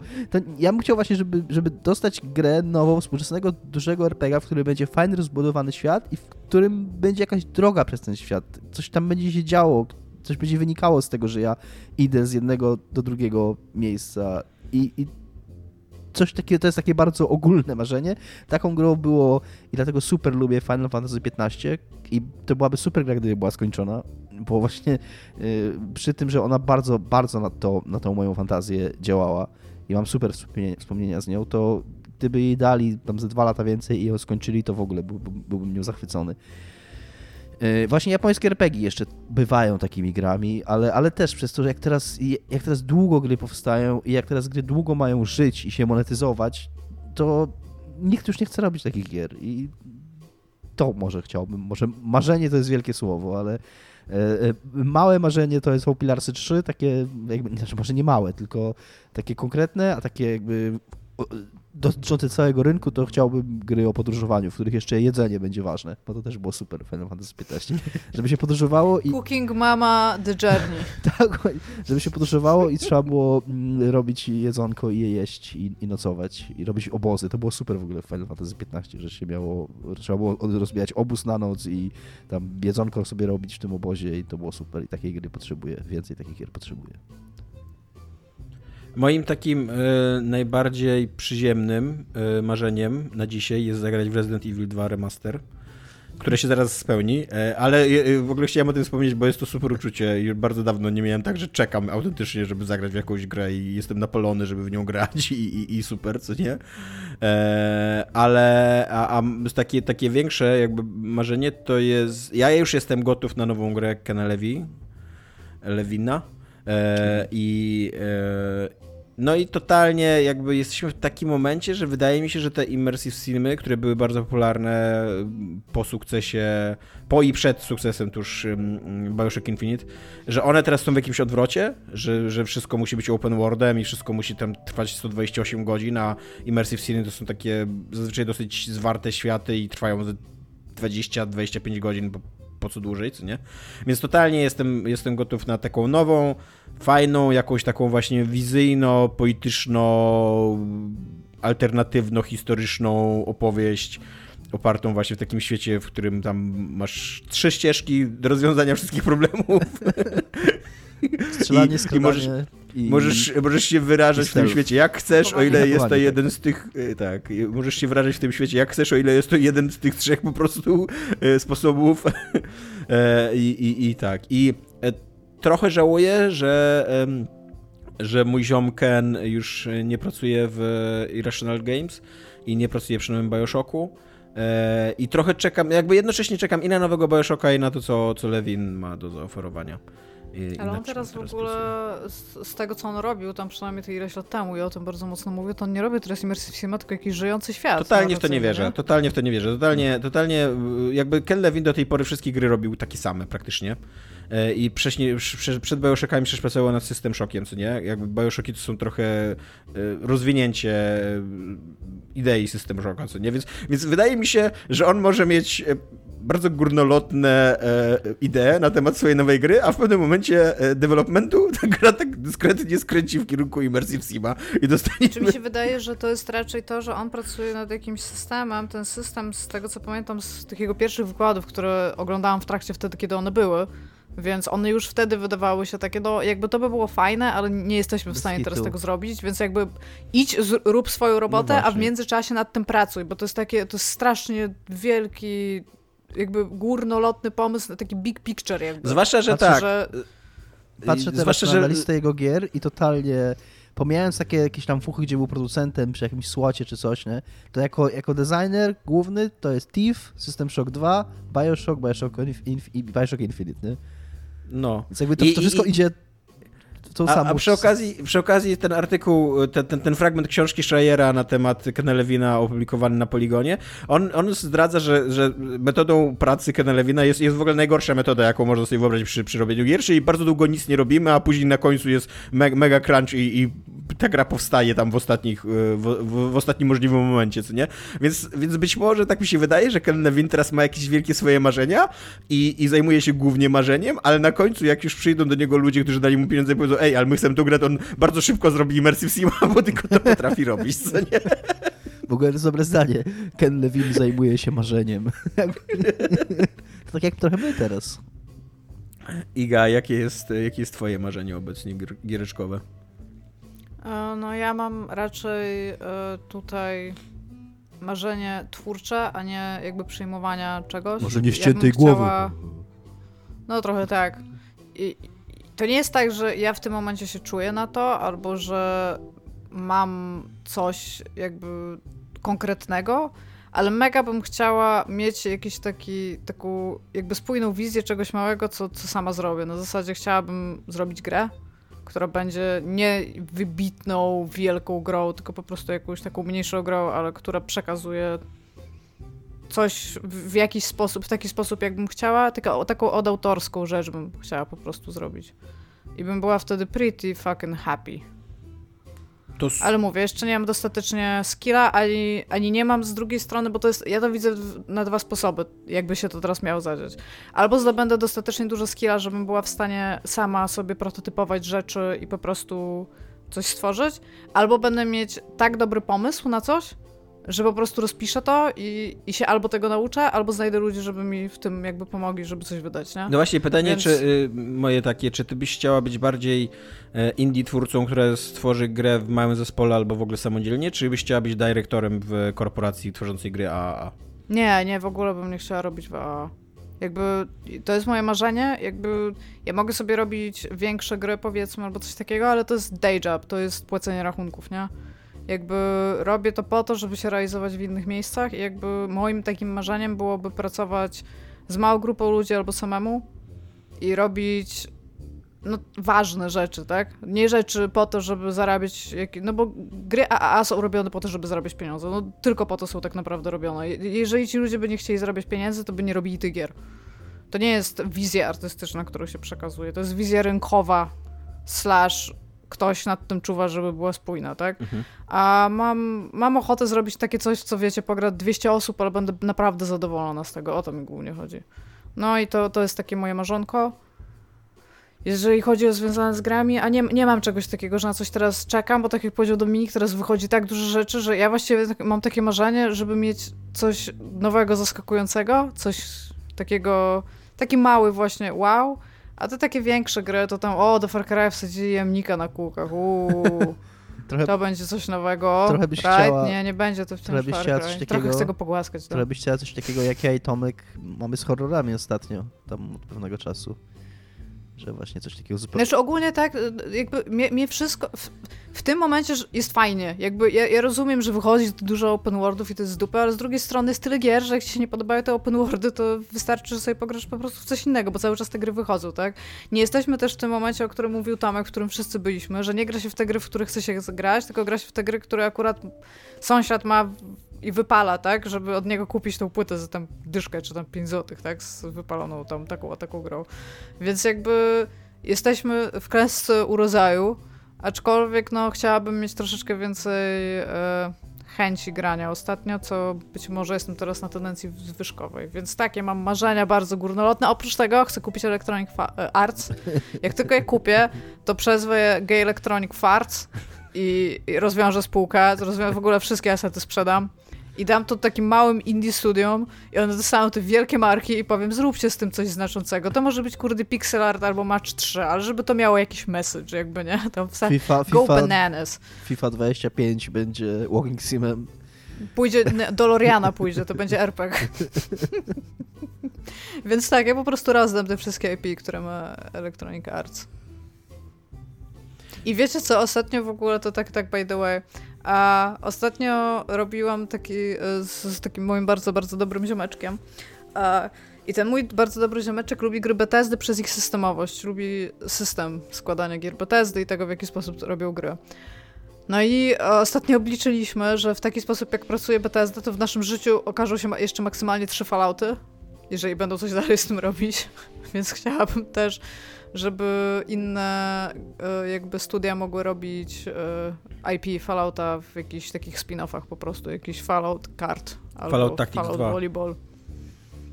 Fallout Tactics 2, Brotherhood of Steel 2, Fallout 3 też by mógł wyjść. E, right? Am I right, Dominik? Teoretycznie jest to możliwe, znaczy jest to bardziej możliwe niż, niż jeszcze rok temu, nie? No to są w rodzinie Microsoftu, tak. jakby tak, tylko właśnie no, jakby byłoby mi miłe, jakby wiecie, Ninja Theory wydał naprawdę taki dobrze napisany jakby Fallout miniseries Walking Sim Match 3, nie? E- no i moim marzeniem jest też, żeby wszystkie open worldy spłonęły na zawsze. Iga wyszła trochę przed szereg tutaj z, ze swoją odpowiedzią, ponieważ dalej mam pytanie, y, czy macie jakieś osiągnięcie w branży giereszkowo-dziennikarskiej, albo, więc tylko albo stricte giereszkowej, o której osiągnięciu y, w przyszłości marzycie, więc Iga tu już hmm. odpowiedziała na to pytanie. E, Dominik, teraz twoja kolej. Yy, niezbyt. Wydaje mi się, że osiągnąłem już wszystko, już to wszystko można. co do osiągnięcia. Ten ale artykuł mam, o koniu, czy ten o mapach? Jestem człowiekiem spełnionym. Ale mam, nie, mam takie, mam takie marzenie. Takie, to, to będzie naprawdę marzenie. Takie think big, nie? Dream big. We have to dream bigger, darling. Jak powiedziano w Incepcji. Chciałbym, żeby podcast Niezatapialni stał się taki duży, żebyśmy mogli go robić full time i się z tego utrzymywać. Boom. Jak ja ci to napisałem kiedyś, to mnie wyśmiałeś, ty. I co teraz, to, Dominik, słucham? Jest to absolutnie nie... nie dość, najpierw zmierzyłeś moje marzenie, a później je przyjąłeś. Bo Klasyczny jest to, jest to Nie jest to absolutnie coś, co wierzę, że jest możliwe, bo e, jakby ja wiem, czym są podcasty i podcasty nie są rzeczą, jakby wielu ludzi nagrywa podcasty, nie wiem, czy istnieje ktokolwiek, kto się z tego utrzymuje. Yy, może jakiś tam, nie wiem, ten Joe Rogan, tak, czy jak on to się nazywa. Tak, Bo... Joe Rogan zdecydowanie się z tego utrzymuje. To, to jest taki zawodowy 100 milionów ludzi. Tak, dokładnie. Yy, więc jakby wiem, że to jest po prostu niemożliwe, tak yy, realnie, żeby, żeby to osiągnąć i jakby nie narzekam i tak uważam, że nasi słuchacze są super, że dają nam jakiś pieniądz za to w ogóle i uważam, że to jest sensowny, fajny pieniądz za to, co robimy i co dajemy tym ludziom. Więc y, jakby nie jest tak, że ja oczekuję, że, że uważam, że nam się należy więcej, ale gdyby gdyby to jest takie naprawdę marzenie z kategorii po prostu marzeń. Gdyby to było w jakiś sposób osiągalne, to, to byłoby cudowne i wspaniałe, bo to jest y, chyba moja ulubiona rzecz, jaką robię, y, jeżeli chodzi o takie rzeczy produktywne. E to ja... To jest ładne marzenie. Tak, to jest powiedzieć. bardzo ładne. I ja, wszyscy je podzielamy. Znaczy ja je podzielałem już wcześniej, ale później zostało zmiażdżone i teraz, teraz nieśmiało wrócę do tego marzenia. Ale nie mów Dominikowi, bo ci zabierze znowu. E, ja mam e, giereczkowe takie marzenie, żeby. Po pierwsze, żeby skończyć projekt, nad którym teraz pracujemy, który jest zajebisty i który mi się mega podoba i bardzo dobrze mi się nad nim pracuje i w ogóle uważam, że to może być super giereczka ale tworzenie gier jest trudne, a tworzenie gier indie już zupełnie jest trudne, więc nie wiadomo, czy, czy go zrobimy, bo są różne przeciwności losu. E, niestety nie mogę nic więcej o nim powiedzieć, e, ale chciałbym e, osiągnąć taką pozycję, e, jak ma Super Giant Games które jest y, nawet nie, nie, nie artystyczną, czy tam, czy, czy twórczą, nie, nie robić takich rzeczy jak oni, ale oni, yy, oni mają rewelacyjną pozycję taką rynkową, że totalnie są całkowicie niezależni i totalnie mogą robić wszystko, co chcą. Wydaje mi się, bo oczywiście nie wiem tego, ale wydaje mi się, że finansowo stać ich na to, żeby na, na, nawet ich następna gra była jakoś totalną klapą i tylko realizacją jakiejś takiej czystej fantazji po prostu twórczej, e, że oni są jakby po tym, e, jak dobre gry zrobili do tej pory, jak dobrze one się sprzedawały i jak dobrze się nadal sprzedają, bo tam Bastion, Transistor e, i Pyre chyba mniej, ale Bastion i Transistor zwłaszcza się świetnie nadal sprzedają na Switchach, na komórkach i, i, i i pewnie tam na Steamie i tak dalej też. E, I oni są teraz taki, autentycznie w takim mega bezpiecznym, mega zajebistym i wymarzonym punkcie dla twórców indie, co nie, że um, osiągnęliśmy pełną niezależność, możemy robić co chcemy, możemy robić to jak długo chcemy, nie musimy się martwić jakoś bardzo o reakcję ludzi, pieniądze i, i tak dalej i to mi się wydaje, że to jest piękne i, i słuszne i dobre miejsce. I fajnie było, gdyby więcej twórców indie miało taką sytuację, taką pozycję, mogliby się Super Giant Games z nami podzielić pieniędzmi po prostu. I talentem. Jak są tacy, jak są tacy z talentem też, ewidentnie tak. mają za dużo Jak talentu. są tacy Super Giant, to powinno starczyć dla wszystkich. No. Gdyby Greg Kasami chciałby mi trochę swojego talentu użyczyć, to ja, ja bardzo chętnie.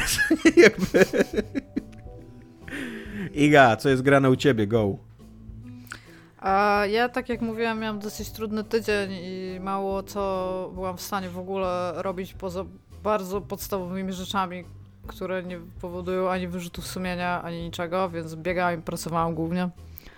A, natomiast już jakiś czas temu został mi sprezentowany nowy Monster Hunter. Monster Hunter Rise, więc teraz będziecie bardzo, bardzo szczęśliwi o tym, co do was mówię, bo jest to wasza ulubiona seria gier. A jeszcze przy okazji chcę tutaj powiedzieć ludziom, którzy dopiero dołączają do naszego podcastu, że nie jestem, jakby to, to nie będzie taki bardzo in, taki deep look w tą serię, bo ja się odbijałam od wszystkich Monster Hunterów przed, przed Worldem. To nie jest tak, że nigdy w nie nie grałam, natomiast World był takim jakby wyciągnięciem trochę ręki, by zagarnąć taką szerszą publikę. Był po prostu dużo bardziej przystępny i lepszy do grania. Więc tam się na długo zahaczyłam, skończyłam podstawkę, prawie skończyłam e, dodatek, no ale w tym czasie wyszedł Rise i wszyscy moi ziomkowie Monster Hunterowi się przenieśli do Rise'a, więc Tomasz przeczytał w CD Action na kiblu, że istnieje coś takiego jak Monster Hunter Rise i przyszedł do mnie z takim otwartym a mówimy, a mówimy że gazety w ogóle już nie mają tam y, celu swojego. A tutaj centralnie Tomek 2 po prostu informację dostał z gazety. O, to jest gra, tak, którą chcę zagrać. No jeszcze właśnie, że nie, bo Tomek, y, Tomek 2 czyta CD Action i szuka dla mnie gier tam w środku. I to, I to w ogóle bardzo fajnie wychodzi, więc to jest bardzo dobry deal. Idzie do żabki raz na jakiś czas, raz na około dwa miesiące, jak przeczyta to jedno CD Action już na tym kiblu, to idzie i patrzy, o jest nowe, więc kupuje tak co drugie CD Action. Było mu bardzo przykro, jak się okazało, że być może CD Action przestaną drukować. Tak, tak naprawdę dotknęło to mojego domostwa, że tak powiem. A, więc e, kupił, e, kupił to sobie to CD Action i pokazuje mi, że ej, jest nowy Monster Hunter, nie? Rise. A czemu w to nie grasz? I ja mówię, no bo nie mam tej gry, a wtedy tam już wydałam bardzo dużo pieniędzy na grę w danym miesiącu i powiedziałam, że no nie stać mnie, może kupię w przyszłym. No ja mi kupił tego Monster Huntera. No i on tak leżał przez dwa tygodnie, bo nie miałam jak do niego usiąść, więc odpaliłam sobie specjalnie dla tego odcinku grę i stwierdziłam, pogram kilka godzin, nie? To będę już mogła coś powiedzieć. I tutaj wam chcę powiedzieć, że Monster Hunter to jest straszne oszustwo, tak samo World, tak samo ten, bo są do siebie mega podobne, do czego zaraz dojdę, ale tam jest taki kreator postaci i ten kreator postaci daje ci dosyć mocno zmienić tą postać, którą, jaką będziesz grał. Ja zawsze tam sobie grałam typkami, znaczy typami, więc stwierdziłam, raz w życiu sobie zrobię typkę. No i tam robię sobie tą typkę. Zajęło mi to chyba jakieś kurde, żeby mam 20 minut, 25. I mówię sobie, dobra, nie chce mi się już dalej robić, idziemy grać. A on mi tutaj system mówi, dobra, brawo, zrobiłaś swojego bohatera, to teraz zrób psa. Ja nie wiem, co to jest pies, bo psa nie było w Worldzie i to jest no, jakby nowa rzecz, która się dzieje w tym Monster Hunterze. Nazywa się Palamut, dlatego że wcześniej kot się nazywał Paliko, jak Kaliko, ale dużo lepiej jest tłumaczenie polskie, bo to jest koleżkot. Tak, tak. Come on, jak dobry to jest. Nie wiem, jak jest, jak jest palamut. No właśnie. właśnie. nie wiem, weź, weź wpisz palamut po polsku w ogóle. Koleżkot Monster Hunter Rise. Super. Koleżkot to jest mega tłumaczenie, no ale w każdym razie to ten, to e, jest właśnie palamut i ja mówię, co to jest? Dobra, chcę, żeby wyglądał jak mój pies, więc to mi zajęło z kolejne 20 minut, ale już mam tam psa i mówię, dobra, to teraz chcę pograć, a, a gra mówi, Dobra, to teraz twój paliko. I ja tam, Jesus fucking Christ, co jeszcze będę musiała robić? Więc to kolejne 20 minut i po godzinie w końcu udało mi się zacząć grać. Ale jako, że to jest mega japońska gra i to taka japońska, e, gdzie w anime i mandze są takie reakcje czasami bohaterów na koniec sceny, że jak wszystko dobrze się skończyło, to wszyscy nagle zaczynają się śmiać? Wiecie o co mi chodzi? No, że tak, tak się tak, tak za brzuchy łapią i się tak jowialnie śmieją, nie? To tak się kończy każda kascenka na samym początku i to jest dla Europejczyka takie trochę awkward, bo nie wiesz czemu ci ludzie się śmieją. No i Monster Hunter Rise ja jakby przeszłam tutorial, co mi zajęło z dwie godziny całości, albo nawet dwie i pół więc dosyć długo to trwało, gdzie masz po prostu pełno okien tutorialowych, masz pełno rozmów na temat tego, co masz robić. Masz pełno takich rozmów, które totalnie psują ci tą imersję świata przedstawionego, bo na przykład mówią ci wciśnij minus, a potem Y, żeby wyświetlić coś tam i wtedy przyleci tam coś ze świata tam przedstawionego i, i wtedy zobaczysz, co będzie dalej. Jak tylko skończyły się pierwsze cztery rozmowy, to się okazało, że jeszcze muszę sobie kustomizować sowę z jakiegoś powodu. I o ile ta gra jest mega podobna do Monster Hunter World, zarówno jeżeli chodzi o rozgrywkę, w sensie ma praktycznie te same skróty, ma praktycznie ten sam interfejs i wszystko, co się z tym wiąże, to ma właśnie kilka takich dodatkowych rzeczy, typu ten pies, na którym możesz jeździć, ale który też atakuje. I ma tą sowę, która nie do końca jeszcze rozumiem po co jest i co robi, ale przynosi ci wiadomości, możesz ją też wysyłać na jakieś takie wyższe wzniesienia. To tak jak wam zawsze mówiłam, że lubię grać w Monster Huntera, bo to jest bardzo dobry sposób, żeby się wyżyć na tych biednych stworzeniach, które od ciebie uciekają, kuleją i po prostu starają się uciec do gniazda, a ty się drzesz ze swoimi kolesiami, że dajemy go, dojedziemy go, bo już tam ledwo zipie i wszyscy się cieszą, a potem go rozszarpujemy, żeby wyciągnąć z niego kości i zrobić lepsze bronie na jego kolejnych pobratymców.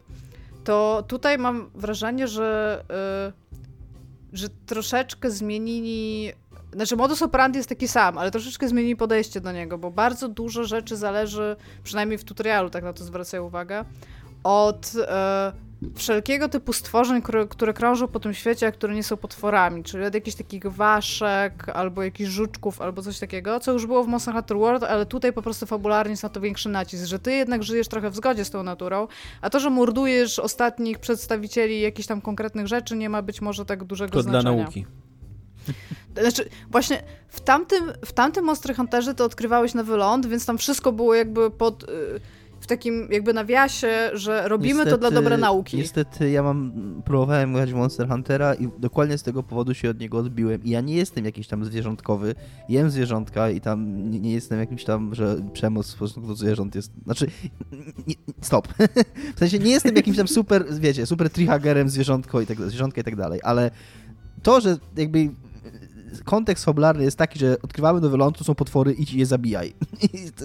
jakby no było to mnie super głupie, no. Dominik, ale, to, ale tam to jest jeszcze głębiej, bo potem jest coś takiego, że na przykład zauważasz tam chyba Ratalosa, który jest różowy, nie? I oni mówią, idź go śledź. No i masz taką misję, że idziesz na ekspedycję i musisz jego ślady zbierać. No jak w końcu je uzbierasz, to wracasz i babka ci realnie mówi, z tych śladów wynika, że to jest bardzo, bardzo rzadki gatunek. Najprawdopodobniej to jest ostatni z tego rodzaju gatunków ratosu, więc idź go zabij, żebyśmy tak, mogli go lepiej przy okazji, przy okazji, I ty siedzisz i... I tam przy okazji okay. nie wynika w ogóle z tego, że te potwory są jakimś zagrożeniem, że one chcą nas skrzywdzić. One sobie tam żyją. W tej części, one sobie po prostu są. W tej części autentycznie są zagrożeniem, aczkolwiek okay. jakby, jakby taki motyw fabularny jest taki, że po pierwsze ty zostajesz... E, jest taka wioska, która jest typową japońską wioską, bo ta część jest bardzo e, taka heavily, jeżeli chodzi o estetykę, zarówno jeżeli chodzi o muzykę, jak i o takie uproszczone rysunki, ale też przedstawianie ci fabuły. Jest bardzo, bardzo japońska. Masz taki soundtrack e, starego, znaczy tych klasycznych japońskich teatrów, e, kiedy przedstawiają ci konkretne tam potwory i masz tam też wiersz za każdym razem, taki cutscenka z wierszem. E, przy okazji, no, w tej muzyce masz normalny theme Monster Hunter, ale też w tle masz, e, no, tam masz biłę, masz shakuhachi, czyli te wszystkie jakby klasyczne instrumenty japońskie, to e, wszystkie z takich jakby kiedy przedstawiają ci jakiś motyw fabularny, to poza cutscenkami masz takie scrolle, które się, w sensie takie jakby rysunki, które są e, malarstwem klasycznym japońskim, tuszem. Więc takie uproszczone rysunki tych potworów również są w taki sposób zachowane. I tutaj masz taki. E, ty, ty w tej wiosce zostajesz e, certyfikowanym hunterem, no tam myśliwym tych potworów. No i oni cię uczą takich na, na samym początku. Ja, nie, ja trochę nie rozumiem tego, bo ty zostałeś certyfikowanym, ale ty nic nie umiesz jeszcze, więc oni cię uczą podstaw na samym początku, pomimo tego, że ty właśnie zostałeś certyfikowanym myśliwym. No, no nieważne. Uczysz się tych podstaw, ale w międzyczasie e, twój taki szef wioski dowiaduje się, że do tej wioski zbliża się, ja nie wiem, jakbyście przetłumaczyli rampage. Taki jakby zbiór, grupa potworów, który, które się stało to kiedyś tam wcześniej, w jakimś tam ileś tam set lat temu, że bardzo dużo potworów się zebrało w takie stado i po prostu zrównało tą wioskę z ziemią prawie. Oni musieli się bronić. I to się teraz też dzieje, to się stanie ale w międzyczasie, kiedy to się stanie, to ty idź i na cztery ekspedycje i zbierz osiem grzybów, bo to, no, to jest gra farming the game tak naprawdę, tak? Więc ja sobie teraz zbieram grzyby, ale poza tym to jest jakieś wielkie niebezpieczeństwo, które do nas zmierza.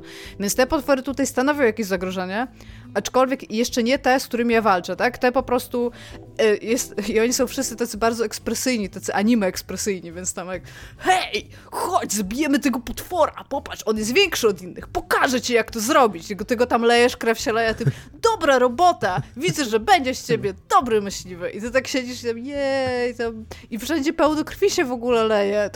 bo w tej wcześniejszej części ty im robiłeś krzywdę, to ona nie była taka krwawa, to tutaj jest centralnie, kurde, krew i krew. Więc tak, no nie mogę się doczekać, że będzie dalej. Szczególnie, że w Monster Hunter World jakby e, twojej podróży, jako że ty byłeś bohaterem niemym, towarzyszyła taka... E, taka babka, która jakby była, ona się nazywa handler, taki twój menadżer jakby, jako, jako, jako łowcy i ona była najbardziej denerwującą postacią, jaką w życiu widziałam w jakiejkolwiek grze. Literalnie jakbym mogła zamiast zabijać tego, tego biednego Diablosa, po prostu pójść z nią i tam pięściami ją zatłuc i ściągnąć z niej skórę, żeby zrobić miecz, tam to zrobiła, tak mnie wnerwiała, no.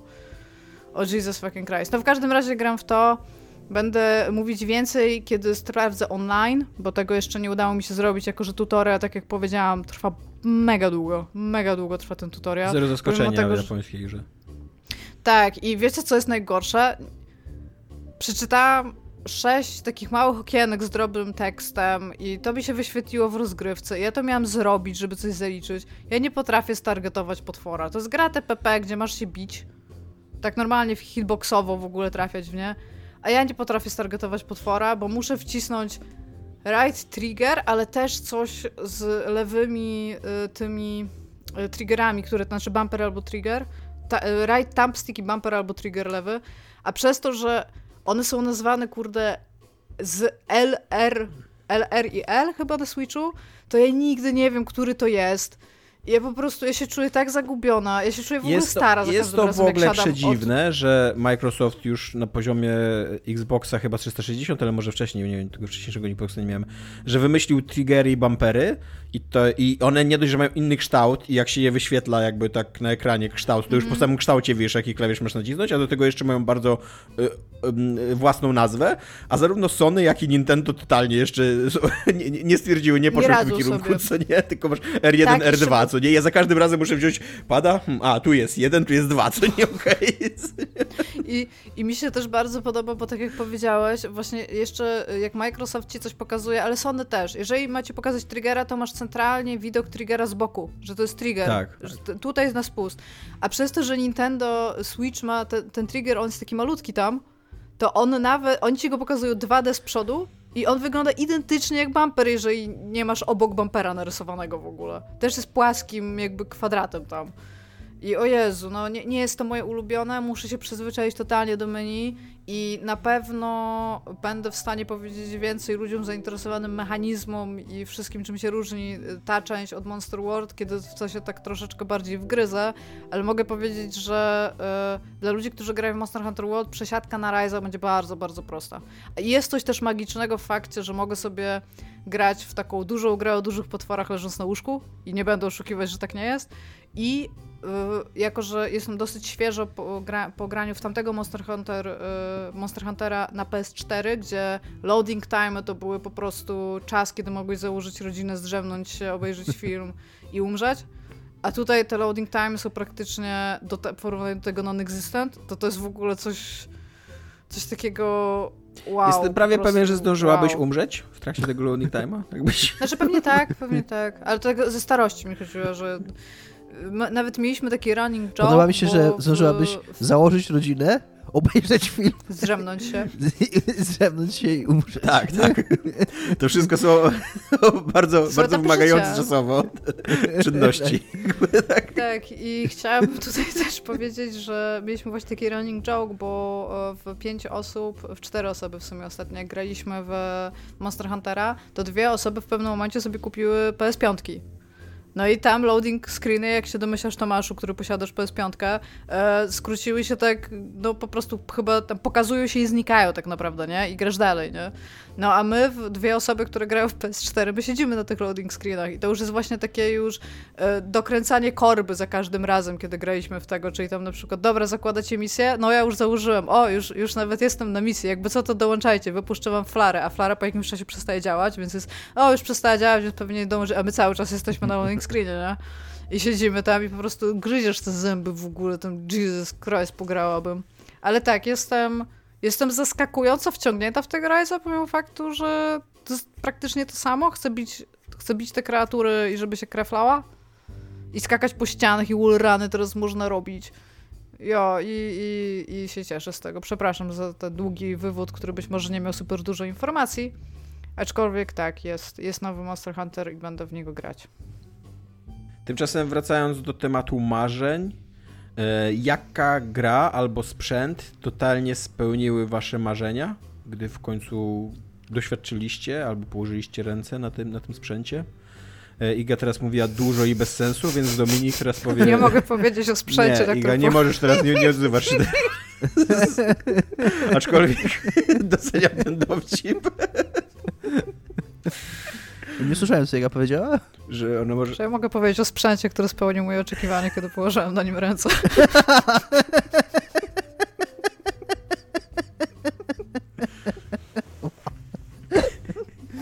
Okay, okay. Dominik, go. PlayStation 2. Y, To była pierwsza konsola, jaką miałem w życiu, y, którą kupiłem sobie za pierwsze swoje jakieś w miarę normalne pieniądze zarobione. Y, Za, pamiętam do, do dzisiaj, za 666 zł to była konsola w wersji Slim z dwoma padami i jeszcze grą chyba jakąś jedną. Tak, to był Soul Calibur. Y, I Uuu, to jest fajny w ogóle zestaw startowy, tak. to był bardzo dobry... Soul Calibur, no. To, to był bardzo dobry, tak, to był bardzo dobry zestaw. Yy, I, i, i kupiłem ją tak dosyć późno w tej generacji, bo to było naprawdę już tam, nie wiem, na rok przed wydaniem Xboxa 360. Yy, I, I byłem przedtem, byłem zupełnie pecetowy. Tam, jeżeli grałem, to na konsoli przenośnej, tam DS-a starego miałem, więc tam trochę tak, tak byłem taki trochę console curious, ale, ale nie, nie, nie miałem takiego doświadczenia, żeby mieć swoją konsolę dużą i grać na niej w duże gry. I, i, I to PlayStation 2 po prostu mi zryło belet. Jak tam, jak te gry działały, jak w Burnouta tego Takedown yy, grałem, albo to był jedną z moich pierwszych gier, God of War pierwszy, który był po prostu czymś takim, czego nie widziałem wcześniej w ogóle yy, w grach wideo. Yy, Też Final Fantasy X wtedy przechodziłem i, i super to było dla mnie doświadczenie. I E, I przy okazji, wiecie, jak to było z pecetami w tamtych czasach, jeszcze jak się nie miało pieniędzy swoich, nie zarabiało się, więc ja zawsze jednak granie kojarzyło się z takim, e, jakby to powiedzieć, no, że zawsze, zawsze coś było nie tak w tych grach, że zawsze one, nie do końca dobrze ci działała ta gra, e, klatkarz nie był tam zbyt, zbyt satysfakcjonujący, to było takie, że czułeś, że ten komputer jest już stary trochę, ale grałeś na nim i tak, bo chciałeś grać w gry. Do dzisiaj pamiętam, jak grałem w Jedi Knighta pierwszego, to oczywiście dużo, dużo wcześniej i nie miałem wtedy jeszcze akceleratora 3D, miałem jakąś tam taką kartę z, z zintegrowanym 3D, takie gówno jakieś, nie pamiętam jak to się nazywało nawet, e, która robiła tą magię, że było tam, że nie było pikseli, że było to wygładzanie, ale miała za mało ramu, żeby mieścić wszystkie tekstury, więc część powierzchni była po prostu bez tekstur w tej grze, e, a i tak w to grałem.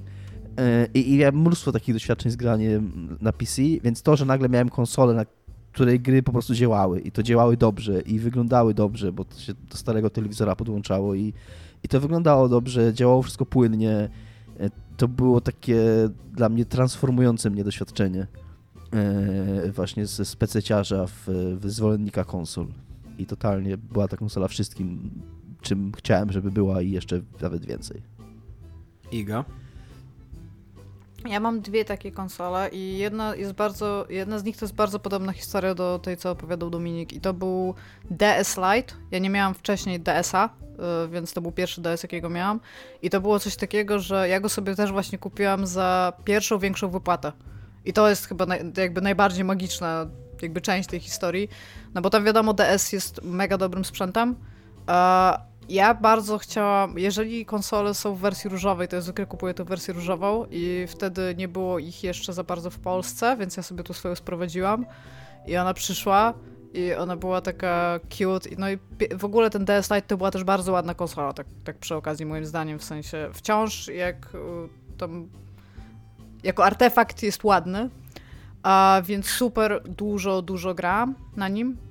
No o Game Boy, jak już mówiłam, no to wiadomo, spełniło to moje oczekiwania, ale taką dużą konsolą to był Xbox 360. Tu nie chodzi o oczekiwania, takiego, tylko marzenia. Marzenia, no tak, przepraszam.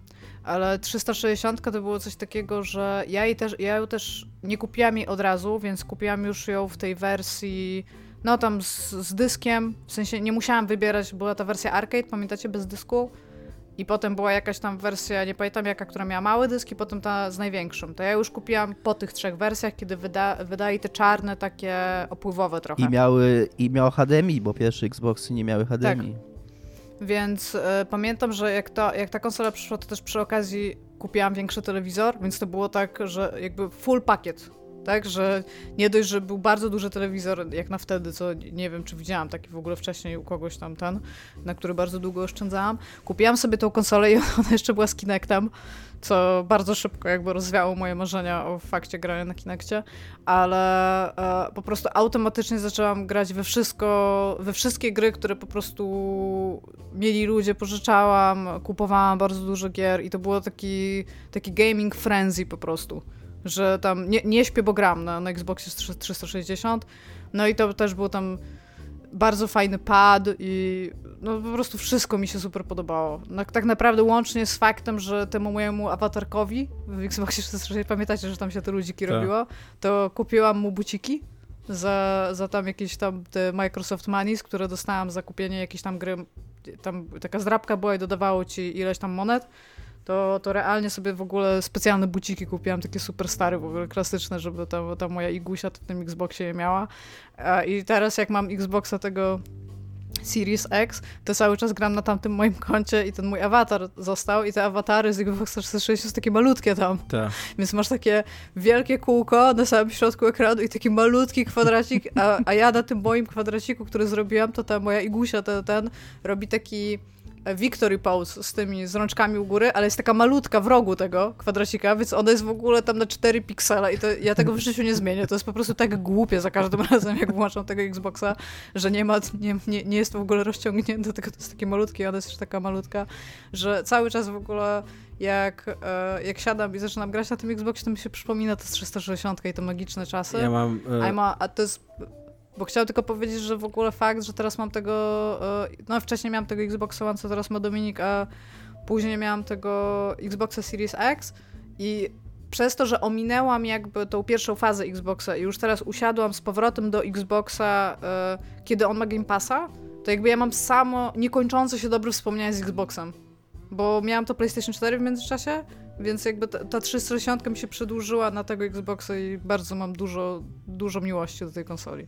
Ja wracając do tego awatarka, y, którego tam w Xbox Live ustawiałeś, mm -hmm. to teraz mam ten Game Passa na PC i właśnie też e, w jakiś sposób e, Microsoft zorientował się, że mam tam, tam już konto na tym i, i przywołał to moje konto z Xboxa 360 i tam mam właśnie taką malutką w ogóle na tym, na tym dużym kółku, mam taką, taką malutką ikonkę głównego bohatera e, z gry, ona się nazywała Dust an Elysium Tale.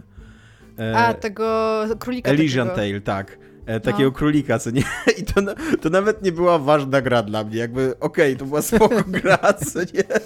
Ale potem dostałeś za achievementa, pewnie dostałeś za achievementa ten obrazek. Tak, ale, ale, ale fakt, że po tych tam 10 latach, od kiedy ja przyszedłem, nagle Game Pass mi przypomniał, to stwierdziłem, okej, okay, okej, okay, takim jestem człowiekiem, tak, tak, tak, tak pozostanie, co nie? Tak. Ale one są jeszcze w ogóle takie malutkie to jest takie naprawdę jeszcze, bo ty pewnie grasz Tobek na telewizorze tak. też, więc to jest w ogóle, one są jeszcze mniejsze przez to z jakiegoś powodu i to jest to takie głupie, że, że Xbox stwierdził, że dobra, zostawimy to w takiej rozdziałce.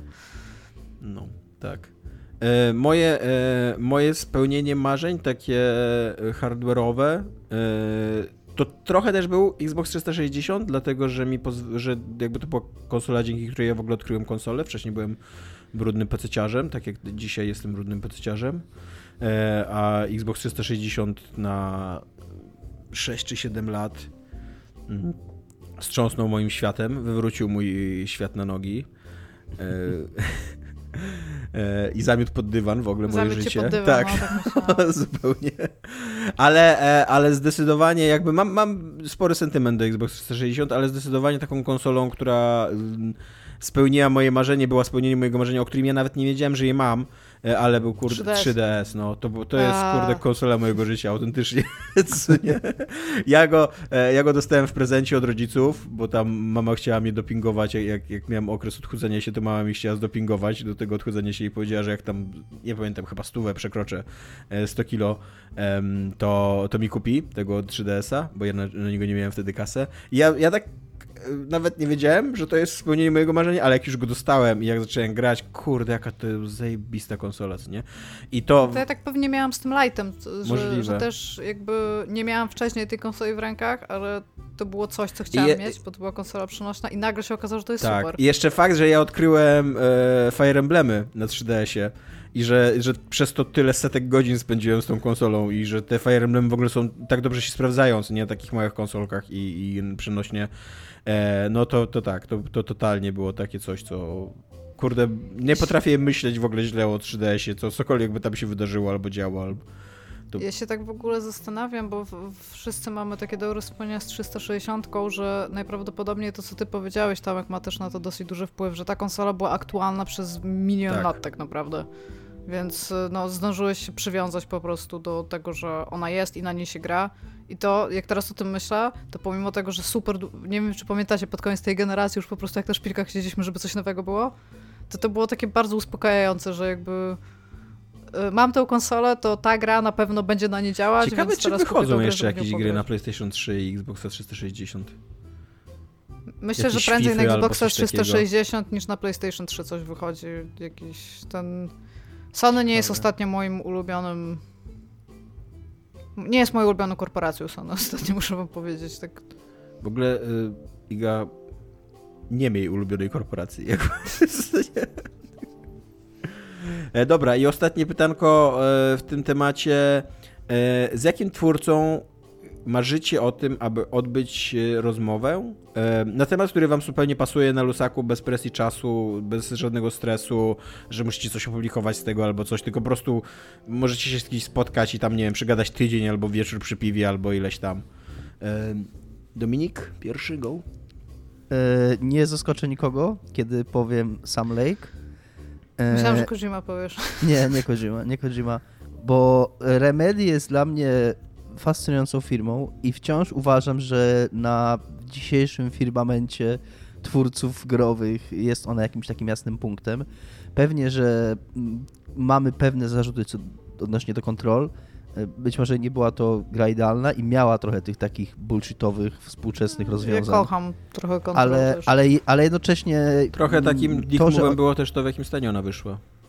Tak, ale jednocześnie to, że te gry, że oni ciągle potrafią zrobić gry, które są jakieś, które mają jakieś serce, które czuć, że są ich, które nie są po prostu od sztampy kolejnym takim samym open worldem, albo kolejnym takim samym militarnym shooterem, albo kolejnym RPGiem z mnóstwem znajdziek i, i znaczników na mapie. Tylko że, tylko, że to jest taka firma, która ciągle robi gry yy, swoje, takie gry Remedy, yy, które są remedium na stan współczesnego giereczkowa. Yy, i bardzo ciekawi mnie, jak ta firma działa, bo to jest firma fińska i wydaje mi się, że zarówno koszty życia w Finlandii, jak i wobec tego zarobki i koszty tworzenia gier mm, są, muszą być wysokie. E, I e, ale jednocześnie te ich gry, one są super, ale to nie są gry, które mają jakąś tam rekordową sprzedaż. Tam jak oni sprzedają kilka milionów pewnie co, co kiedyś było super dobrym wynikiem, ale w dzisiejszych czasach to tam dla e, Electronic Arts, Square Enix to byłaby porażka taka sprzedaż. I, I, że to studio ciągle potrafi, że ono ciągle działa, że ono ciągle się utrzymuje, że wydaje się ciągle być w dobrej kondycji i ono w tej chwili chyba nad trzema projektami w ogóle pracuje naraz, więc, więc nie dość, że, że istnieje, to jeszcze, to jeszcze się rozwija i, i byłbym trochę tak y, dziennikarsko, ale też osobiście ciekaw, jak oni to robią i, i jaka jest recepta właśnie na, na, mm, na utrzymanie przez tyle lat studia, które się nie sprzedało, że tak powiem. Nie? I, i nawet nie chodzi o to, że e, dosłownie się nie sprzedało, że, że tam nie, nie są, nie są właściciele, nie są, nie, nie są zależni od jakiegoś dużego, dużego wydawcy czy producenta konsol, ale że po prostu że po prostu jakby nie, nie poświęcili swojej wizji czy swojego charakteru. Yy, nawet jak to trochę zrobili w przypadku Quantum Break, to ciągle to trochę na swoich warunkach zrobili. Ciągle yy, oni wrzucili tam ten, ten serial, na, na, który Microsoft naciskał, bo Microsoft miał wtedy taką dziwną wizję tego Xboxa One, ale to ciągle jest, kurde, takie bardzo ich, że, że nie, nie, jakby nie, nie, nie udali, nie, nie dali się tak uformować jak, jak plastelina że, y, y, pod jakąś korporacyjną wizję. I to jest super ciekawe i super fajne. Plus wydaje się y, super ciekawym człowiekiem do, tak, do porozmawiania nawet o pierdołach. Kazałbyś mu zrobić The Face, jakbyś z nim gadał? Max Payne Face, tak? tak? Wydaje mi się... Tak, tak, wydaje, tak swoją drogą to chciałem... No, przepraszam. Wydaje mi się, że y, odpowiadając na twoje... Znaczy nie, właśnie nie odpowiadając, tylko spekulując y, na to twoje pytanie, jak im się to udaje, że oni są w Finlandii, to wydaje mi się, że oni bardzo, bardzo mądrze prowadzą ten biznes, bo dobrze się podłączają pod wielki korpo i, i, i, są jakby te cyce korporacyjne. Bo przecież bardzo długo, bardzo długo mieli e, współpracę z Microsoftem, a teraz z kolei podpisali umowę z Epiciem, który też tam ma kupę kasy i, i jakby Epicowi zależało na takim jakby prestiżowym jakimś e, twórcy, więc myślę, że to może tam, jakby, że to może no. im pozwolić tworzyć gry trochę droższe niż mogliby, gdyby byli tak zupełnie niezależni, co nie? Gdyby sami tak, siebie wydawali jakby jeszcze. Bo trochę coś takiego jest. Faktycznie coś w tym jest, że oni robią też takie gry właśnie, które y, nawet jeżeli się super nie sprzedają, to taka gra wygląda dobrze w portfolio, tak. czy tam na, na, na, na sklepie wyróżniona. Ostatnio był taki news, że y, Village, w sensie ten nowy Resident Evil się sprzedał w 4 milionach egzemplarzy i to jest bardzo dużo, a z drugiej strony przez to, jak są pompowane teraz te liczby i w ilu się sprzedają, to tak jak to usłyszałam, to byłam jak, e, tylko tyle? I potem tak sobie myślę, nie Iga, to jest, to jest bardzo dużo, to jest bardzo dużo sprzedanych gier, tam usiądź się, uspokój. Iga, ty z jakim twórcą chciałabyś porozmawiać? Ja mam dwóch takich twórców. Fajnie by w ogóle było się z nimi spotkać w, w sensie w trójkę.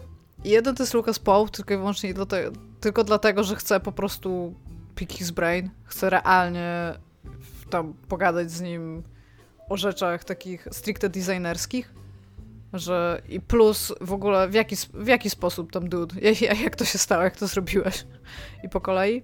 A drugi to jest Tim Schafer, bo uważam, to że jest, to jest wybitnie fajna osoba, żeby z nim usiąść no. i pogadać po prostu, tak? Bo poza tym jest... Y a to nie powiem, nie powiem, bo to jest myślenie damskim penisem.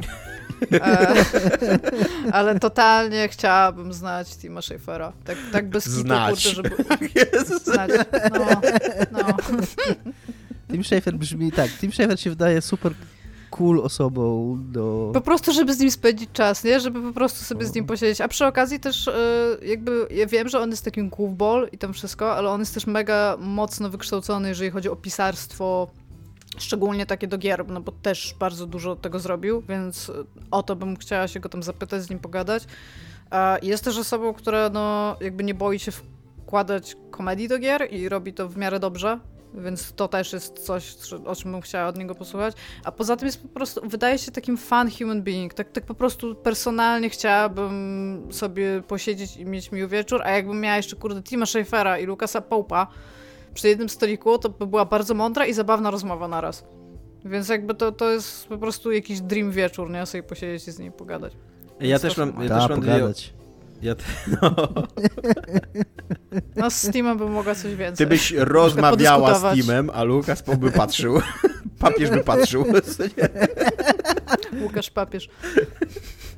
E, ja też mam dwie osoby i też mam trochę taki podział, jak Iga tu zaproponowała, że totalnie chciałbym, U, totalnie chciałbym się na piwo spotkać z Hideo Kojimą. Wydaje mi się, że to jest... E, z... Na piwo, tak jak ja z Schaeferem, tak? Nie, nie, nie, na takie prawdziwe piwo. Na, takie, na, takie, na takie piwo, o jakim ty myślisz, to z tą drugą osobą raczej by się chciał spotkać. E, e, z, z Hideo Kojimą, bo on się wydaje przesympatycznym człowiekiem. On e, się wydaje bardzo błyskotliwy i ma super gust filmowy, muzyczny i tak dalej. A przy okazji jest takim postrzeleńcem, trochę kreatywnym e, i autentycznie jakby tak spędzić z nim po prostu, nie wiem, wieczór, noc i, i napić się i pogadać i, wymienić. E, myślę, myślę, że to by było super, co nie?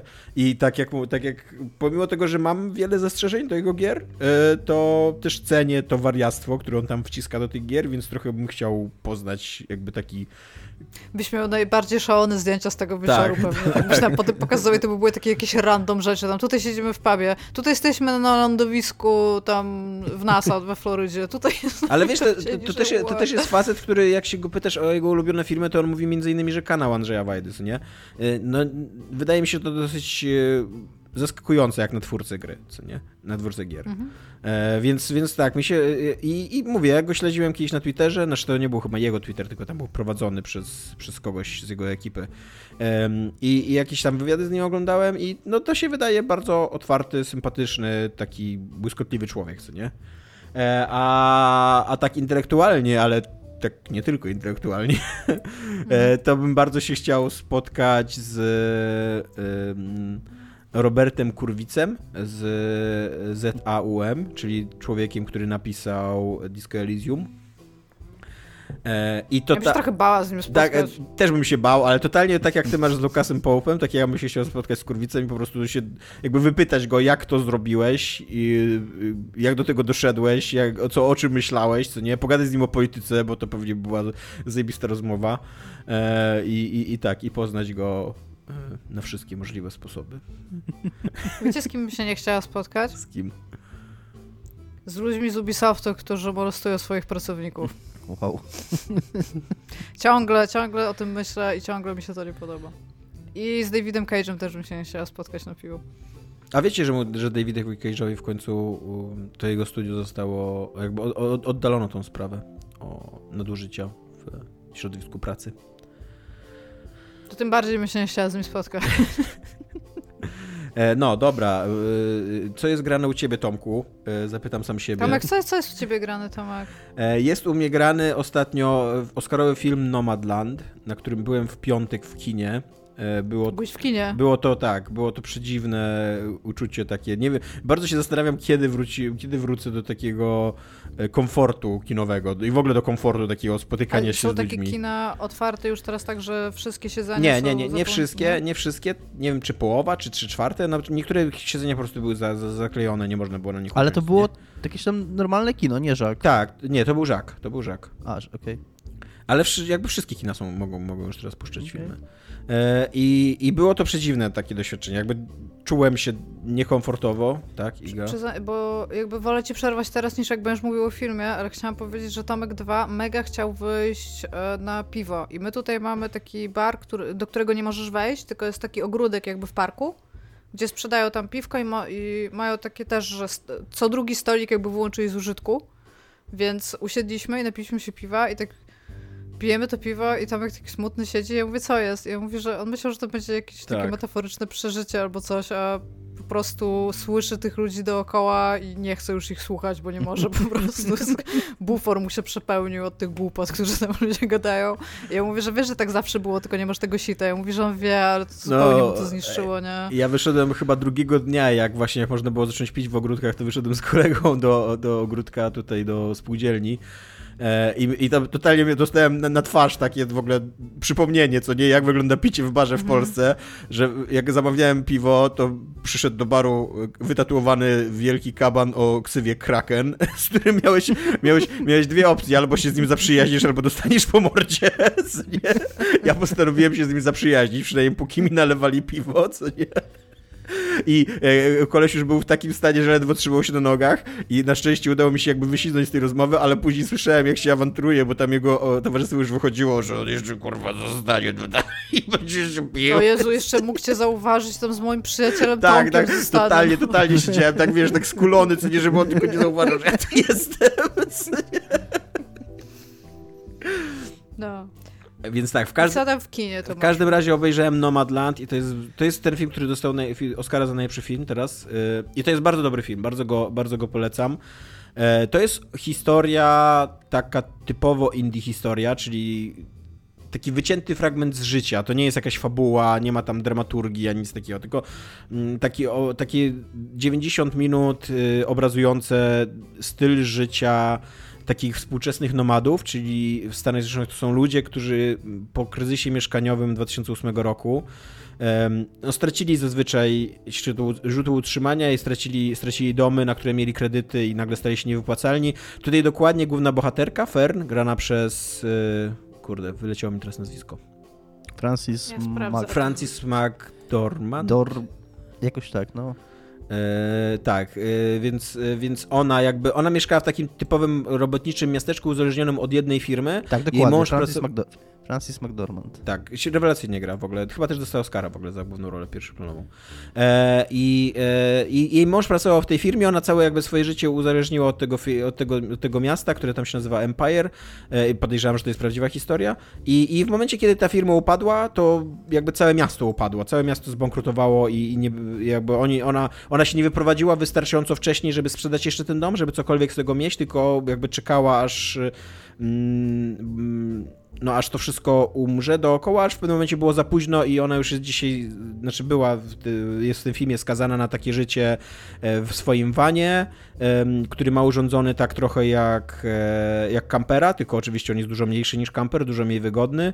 E, jeździ w tym wanie po całych Stanach Zjednoczonych, zarabia w dorywczych pracach, pracuje w Amazonie, jak jest taki wielki nabór w Amazonie przed świętami, w wysyłaniu paczek, nie, na, w sortowniach paczek, pracuje, pracowała w jakimś tam na polu namiotowym jako, jak, jako sprzątaczka, pracowała w jakiejś tak, takiej przetwórni y, kartofli, takiej wielkiej, gdzie tam w ogóle tony kartofli przerzucała, co nie i tak dalej. E, no i jakby jest takim, takim nomadą y, podróżującym po Stanach i w ogóle jest, ten film obrazuje jakby całe to środowisko tych, tych nomadów. Jest zaskakująco mało publicystyczny ten film, a zaskakująco bardzo skupiony na swojej, na swojej bohaterce, co z jednej strony jest ciekawe, bo pokazuje taką jednostkową historię i to jak, e, jakby jak ona sobie ułożyła życie i co ona o tym życiu myśli, a z drugiej strony jest to trochę taka pułapka, bo jednak ten ich model życia e, to nie jest ich wybór. I to zresztą pada w ogóle w tym filmie, pada to zdanie, że to nie jest tak, że oni podjęli, że oni wybrali taki model życia, tylko po prostu państwo ich zdradziło, system ich zdradził, e, jakby ten kapitalizm pokazał swoją taką najgorszą twarz i oni, oni teraz już są bez, bez żadnej mm, tej siatki ratunkowej, co nie, bez takiej asekuracyjnej i po prostu, Właśnie... tak? Bo ja się czegoś dowiedziałam na ten temat, e, że w Stanach Zjednoczonych, jeżeli masz, tam masz ten credit score, mhm. który nie jest dla ciebie jawny, ale jeżeli w ogóle poprosisz o to, żeby ci go ktoś ujawnił, w sensie możesz poprosić o taki wycinek, żeby ci tam ten, to on automatycznie spada, ale to tam inna sprawa. Jeżeli masz dom na kredyt, i go nie spłacisz, albo oddasz, sprzedasz ten dom jakby jeszcze z kredytem na niego, e, tam w taki sposób spłacając ten kredyt albo coś, to masz taki e, jakby na stałe w aktach zapisane, że, że twój credit score jest praktycznie teraz zerowy. I co się z tym wiąże, to jest fakt, że jeżeli masz dostęp do ubezpieczenia, to musisz je opłacać na rok z góry, na wszystkie 12 miesięcy, nie możesz tak naprawdę dostać jakiegokolwiek rodzaju kredytu, czyli takich credit cards i tego wszystkiego, jeżeli chodzi o debet w bankach u nich tam lokalnie, Plus jesteś na takiej trochę czarnej liście, jeżeli chodzi o jakikolwiek e, rodzaj tego, bo oni zawsze ci robią ten background check, jeżeli byś miał dostać jakąś potężniejszą pracę, że tak powiedzmy, taką na stałe gdzieś w biurze albo coś takiego. I że tak naprawdę w momencie, kiedy to się stało, kiedy tam stracisz dom, nawet teraz w trakcie covid to się dzieje, to jesteś fakt. W sensie no. to nie jest tak, że tak jak u nas byś, nie wiem, sprzedał e, mieszkanie i zapłacił resztę e, tam w jakiś sposób z oszczędności albo coś takiego, to u nich masz jeszcze taką rysę po prostu w kartotece, która tak naprawdę nie odchodzi. Musiałbyś bardzo długo, długo, naprawdę bardzo długo pracować, żeby móc znowu czegokolwiek się dorobić. No właśnie. E, to było coś, czego nie wiedziałam jakby. E, fakt, że ten film nie porusza na przykład problemu ubezpieczenia zdrowotnego, które dla wszystkich ludzi żyjących poza Ameryką jest najdziwniejszym aspektem życia w Ameryce. Tak. E, jest przedziwny, bo dwóch bohaterów tego filmu boryka się z chorobą i no i tro, trochę działa taka filmowa magia, że jeden po prostu jest leczony, a druga bohaterka już jest w stanie terminalnym i ona jakby, mm, tutaj jest to pokazane, że ona będąc właśnie tym nomadą, ona jakby może wybrać miejsce swojej śmierci, jakby tak spełnić przed, przed, przed śmiercią, jeszcze spełnić jakieś takie swoje marzenia o, o, o, o dotarciu do, do kolejnego miejsca na ziemi, o którym sobie marzyła, co nie?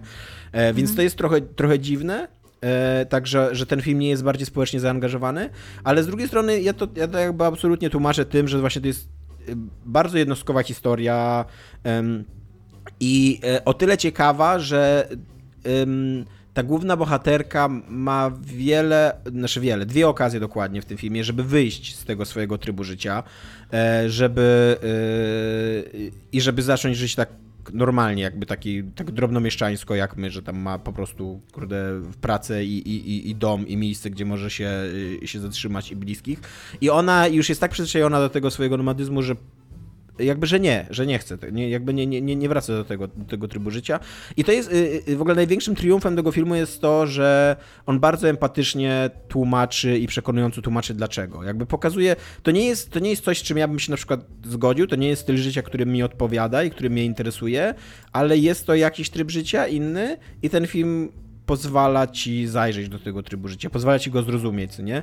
I, i to, to jest w ogóle super w tym filmie, nie? Jakby... Y, Mm, strasznie mi się to podobało. On, on jest też bardzo ładny, bo jako, że oni tam krążą po tych stanach, to mnóstwo jest takich kadrów e, pustynnych, jakichś górzystych i tak dalej. I mnóstwo jest też takich, mm, takich sentymentalno-kiczowatych kadrów na Stany Zjednoczone w stylu e, najładniej, najładniejszy, najbrzydszy kraj na świecie, co nie? Jest tam na przykład e, rolę dosyć sporą w tym filmie odgrywa taki 25-tonowy plastikowy dinozaur który jest straszną tandetą i strasznym kiczem, ale jest, jest kręcony tak i jakby taką rolę odgrywa w życiu tych, tych bohaterów, że tak sobie myślisz, no okej, okay, jest to straszny kicz, ale z drugiej strony to jest taka Ameryka, taka, taki ich kicz i okej, okay, ja to kupuję, co nie?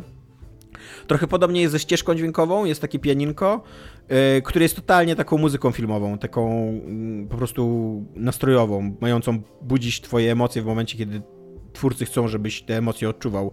I z jednej strony to jest trochę taki tani, stereotypowy chwyt filmowy, ale z drugiej strony to na maksa działa w tym filmie i totalnie jakby pobudzało te moje emocje w tym momencie, kiedy, e, kiedy miało pobudzać, więc też mi to nie, nie, nie przeszkadzało. E, I tak, no tak e, fajny film o takich on ma jeszcze taki, taki jeden problem, że to może być trochę taka, on może być odebrany jako taka estetyzacja ubóstwa, nie? Taki, że, e, że fajnie być ubogim człowiekiem. Taka, taka romantyczność, tak? Tak, tak, jak, że jak, jak, on jest samo, jak ona jest samotna, tak, ale w takim pozytywnym, to jest taka sama z sobą, co nie? Jak ona jest taka właśnie samotna, niezależna i tak dalej. I, I tak, jakby on może taki być, ale z drugiej strony właśnie mówię, jest na tyle subtelnie napisany i na tyle dobrze zagrany, że jedna, jakby nie da się wykluczyć, że są ludzie, którzy lubią taki styl życia. Nawet mm, są ludzie mm, jakby w kryzysie bezdomności, no, właśnie nie w kryzysie bezdomności, tylko bezdomni ludzie w Polsce, którzy świadomie są bezdomni, co niektórzy mogliby... Z wyboru. Tak, z wyboru. I nie da się ukryć, że są tacy ludzie. I też jakby wmawianie, że, y, że, wszyscy, mam, że wszyscy oni mają pragnąć innego życia jest takie strasznie pretensjonalne, takie jakby takie pouczanie ich, co nie? Więc to, to, to jest właśnie film o takiej kobiecie, która się odnalazła jakoś w tym stylu życia, co nie? Że ten, ten kryzys jej nie rozjechał, tylko ona się dostosowała do niego i znalazła w tym, w tym swojej trudnej sytuacji jakiś e, jakieś plusy i jakąś swoją własną siłę i swoje własne, wiesz, realizuje, realizuje no, zorganizowała się. sobie dookoła tak. tego życia w taki sposób, żeby móc tak. rozumiem. I, I totalnie to jest taki film, że to jest świetny film w ogóle na powrót do kina, przynajmniej dla mnie, bo to był totalnie taki film, że usiadłem i przez półtorej godziny byłem na maksa zanurzony. Właśnie chciałam się zapytać, czy trwa 3 godziny? Nie. Bo trwa... brzmi równie dobrze, jakby mógł trwać 80 minut, jak i 3 godziny, trwa tak normalnie, półtorej godziny, czy tam 100 minut, coś takiego, co nie? E, ale totalnie jest taki na maksa imersyjny, że wiesz, że usiadłem i, i przez te półtorej godziny, czy tam 100 minut, czy 110, byłem na maksa zanurzony w tym świecie przestawiony, na maksa z, rozumiałem tą bohaterkę i chciałem tam się dowiedzieć o niej więcej. Właśnie to, że ta muzyka była taka trochę, mm, y, trochę tak emocjonalnie szantażowała albo manipulowała, to mnie, to mnie też mega zrobiło, bo dzięki temu jeszcze bardziej się wczułem w, w tym świecie tego filmu. Więc to jest takie, takie fajne przypomnienie co to jest doświadczenie kinowe. Takie, że, że o, doświadczenie kinowe to jest właśnie, że siadasz w ciemnej sali i na kurde półtorej godziny zapominasz w ogóle o wszystkim w, dookoła, tylko jesteś w opowieści, co nie? I, I, w zupełnie innym kraju, wśród zupełnie innych ludzi, których rozumiesz, lubisz, sympatyzujesz z nimi e, i tak dalej. Więc jeżeli byście chcieli zobaczyć Nomadland, to ja bardzo, bardzo polecam. E, naprawdę super mi się go oglądało. E, i, I tak. To jest, co jest grane u mnie, to to. E, szybciutko jeszcze mamy mm, pytanko na końcu, ale jako, że już długo nagrywamy, to naprawdę szybko. E, Fischer się pyta, e, pewnie chyba bardziej mniej Dominika niż Igę, bo Iga gardzi Ja myślę, że to jest pytanie do mnie i ja mogę od razu odpowiedzieć tylko ja, no. Jak zapatrujecie się na nadchodzące euro? Kto jest waszym fa faworytem? Jakie macie oczekiwania względem reprezentacji Polski? Ja odpowiem jako pierwszy. E, o nadchodzącym euro bardzo regularnie zapominam, że ono nadchodzi. Jakby ludzie, ludzie, znaczy nawet nie ludzie, ale media mi przypominają, że to euro nadchodzi, a ja nawet, nawet teraz odpowiadając na to pytanie nie wiem dokładnie kiedy. Moim faworytem jest Brazylia, jak zawsze, e, a e, oczekiwań od reprezentacji Polski nie mam żadnych nigdy. Jakby już nauczyłem się, nauczyłem się w ogóle, żeby od tego kraju niewiele oczekiwać, a od tego kraju w piłce nożnej to już w ogóle zupełnie nic nie oczekuję. I tak, a to jest żart od, oczywiście. Od 11 czerwca do 11 lipca. E, oczywiście moim faworytem nie jest Brazylia, ale nie mam teraz absolutnie żadnego jakby ukocha, ulubionego, ulubionej drużyny w Europie. Kiedyś lubiłem reprezentację Belgii za ich styl gry. Nie wiem, czy oni nadal tak fajnie grają jak e, na ostatnim Mistrzostwie Świata. Jeżeli tak, to, to Belgia jest moim faworytem. Dominik? To 12 czerwca grają z Rosją. Ja jestem bardzo e, okazjonalnym kibicem e-sportu w ogóle i piłki nożnej, ale jak takie rzeczy się dzieją, to lubię i, i będę oglądał na pewno. Oczekiwań nie mam również żadnych, ale byłoby fajnie, jakby wyszli z grupy. E, to jest, to jest takie moje realistyczne, powiedzmy, w miarę jeszcze e, oczekiwanie w stosunku, w stosunku do reprezentacji Polski. Faworyta też nie mam żadnego, bo e, ja mam taką tendencję raczej do wybierania sobie drużyny, której kibicuję, jeżeli nie gra Polska w trakcie meczu. Nie mam jakiejś swojej ulubionej drużyny i na ogół niestety mam taki impuls, że kibicuję tej słabszej drużynie, bo to jest ciekawsza historia zawsze, jak, jak wygrywa ta słabsza drużyna, więc po prostu będę kibicował tym, którzy będą gorzej grali, gdyż taki kurna jestem z jakiegoś powodu. Ja bym chciał powiedzieć, że to nie jest tak, że ja w ogóle się nie interesuję piłką, bo się czasem interesuję piłką i jak są mistrzostwa jakieś, a ja jestem nawet na wyjeździe, to oglądam. I w Japonii oglądałem mistrzostwa i jak byłem w Gruzji na wakacjach, to są w ogóle fajne doświadczenia, tak jak wchodzisz do zupełnie obcego pubu i, i oglądasz mecz w telewizji i się dziwisz, komu ludzie kibicują i w jaki sposób kibicują.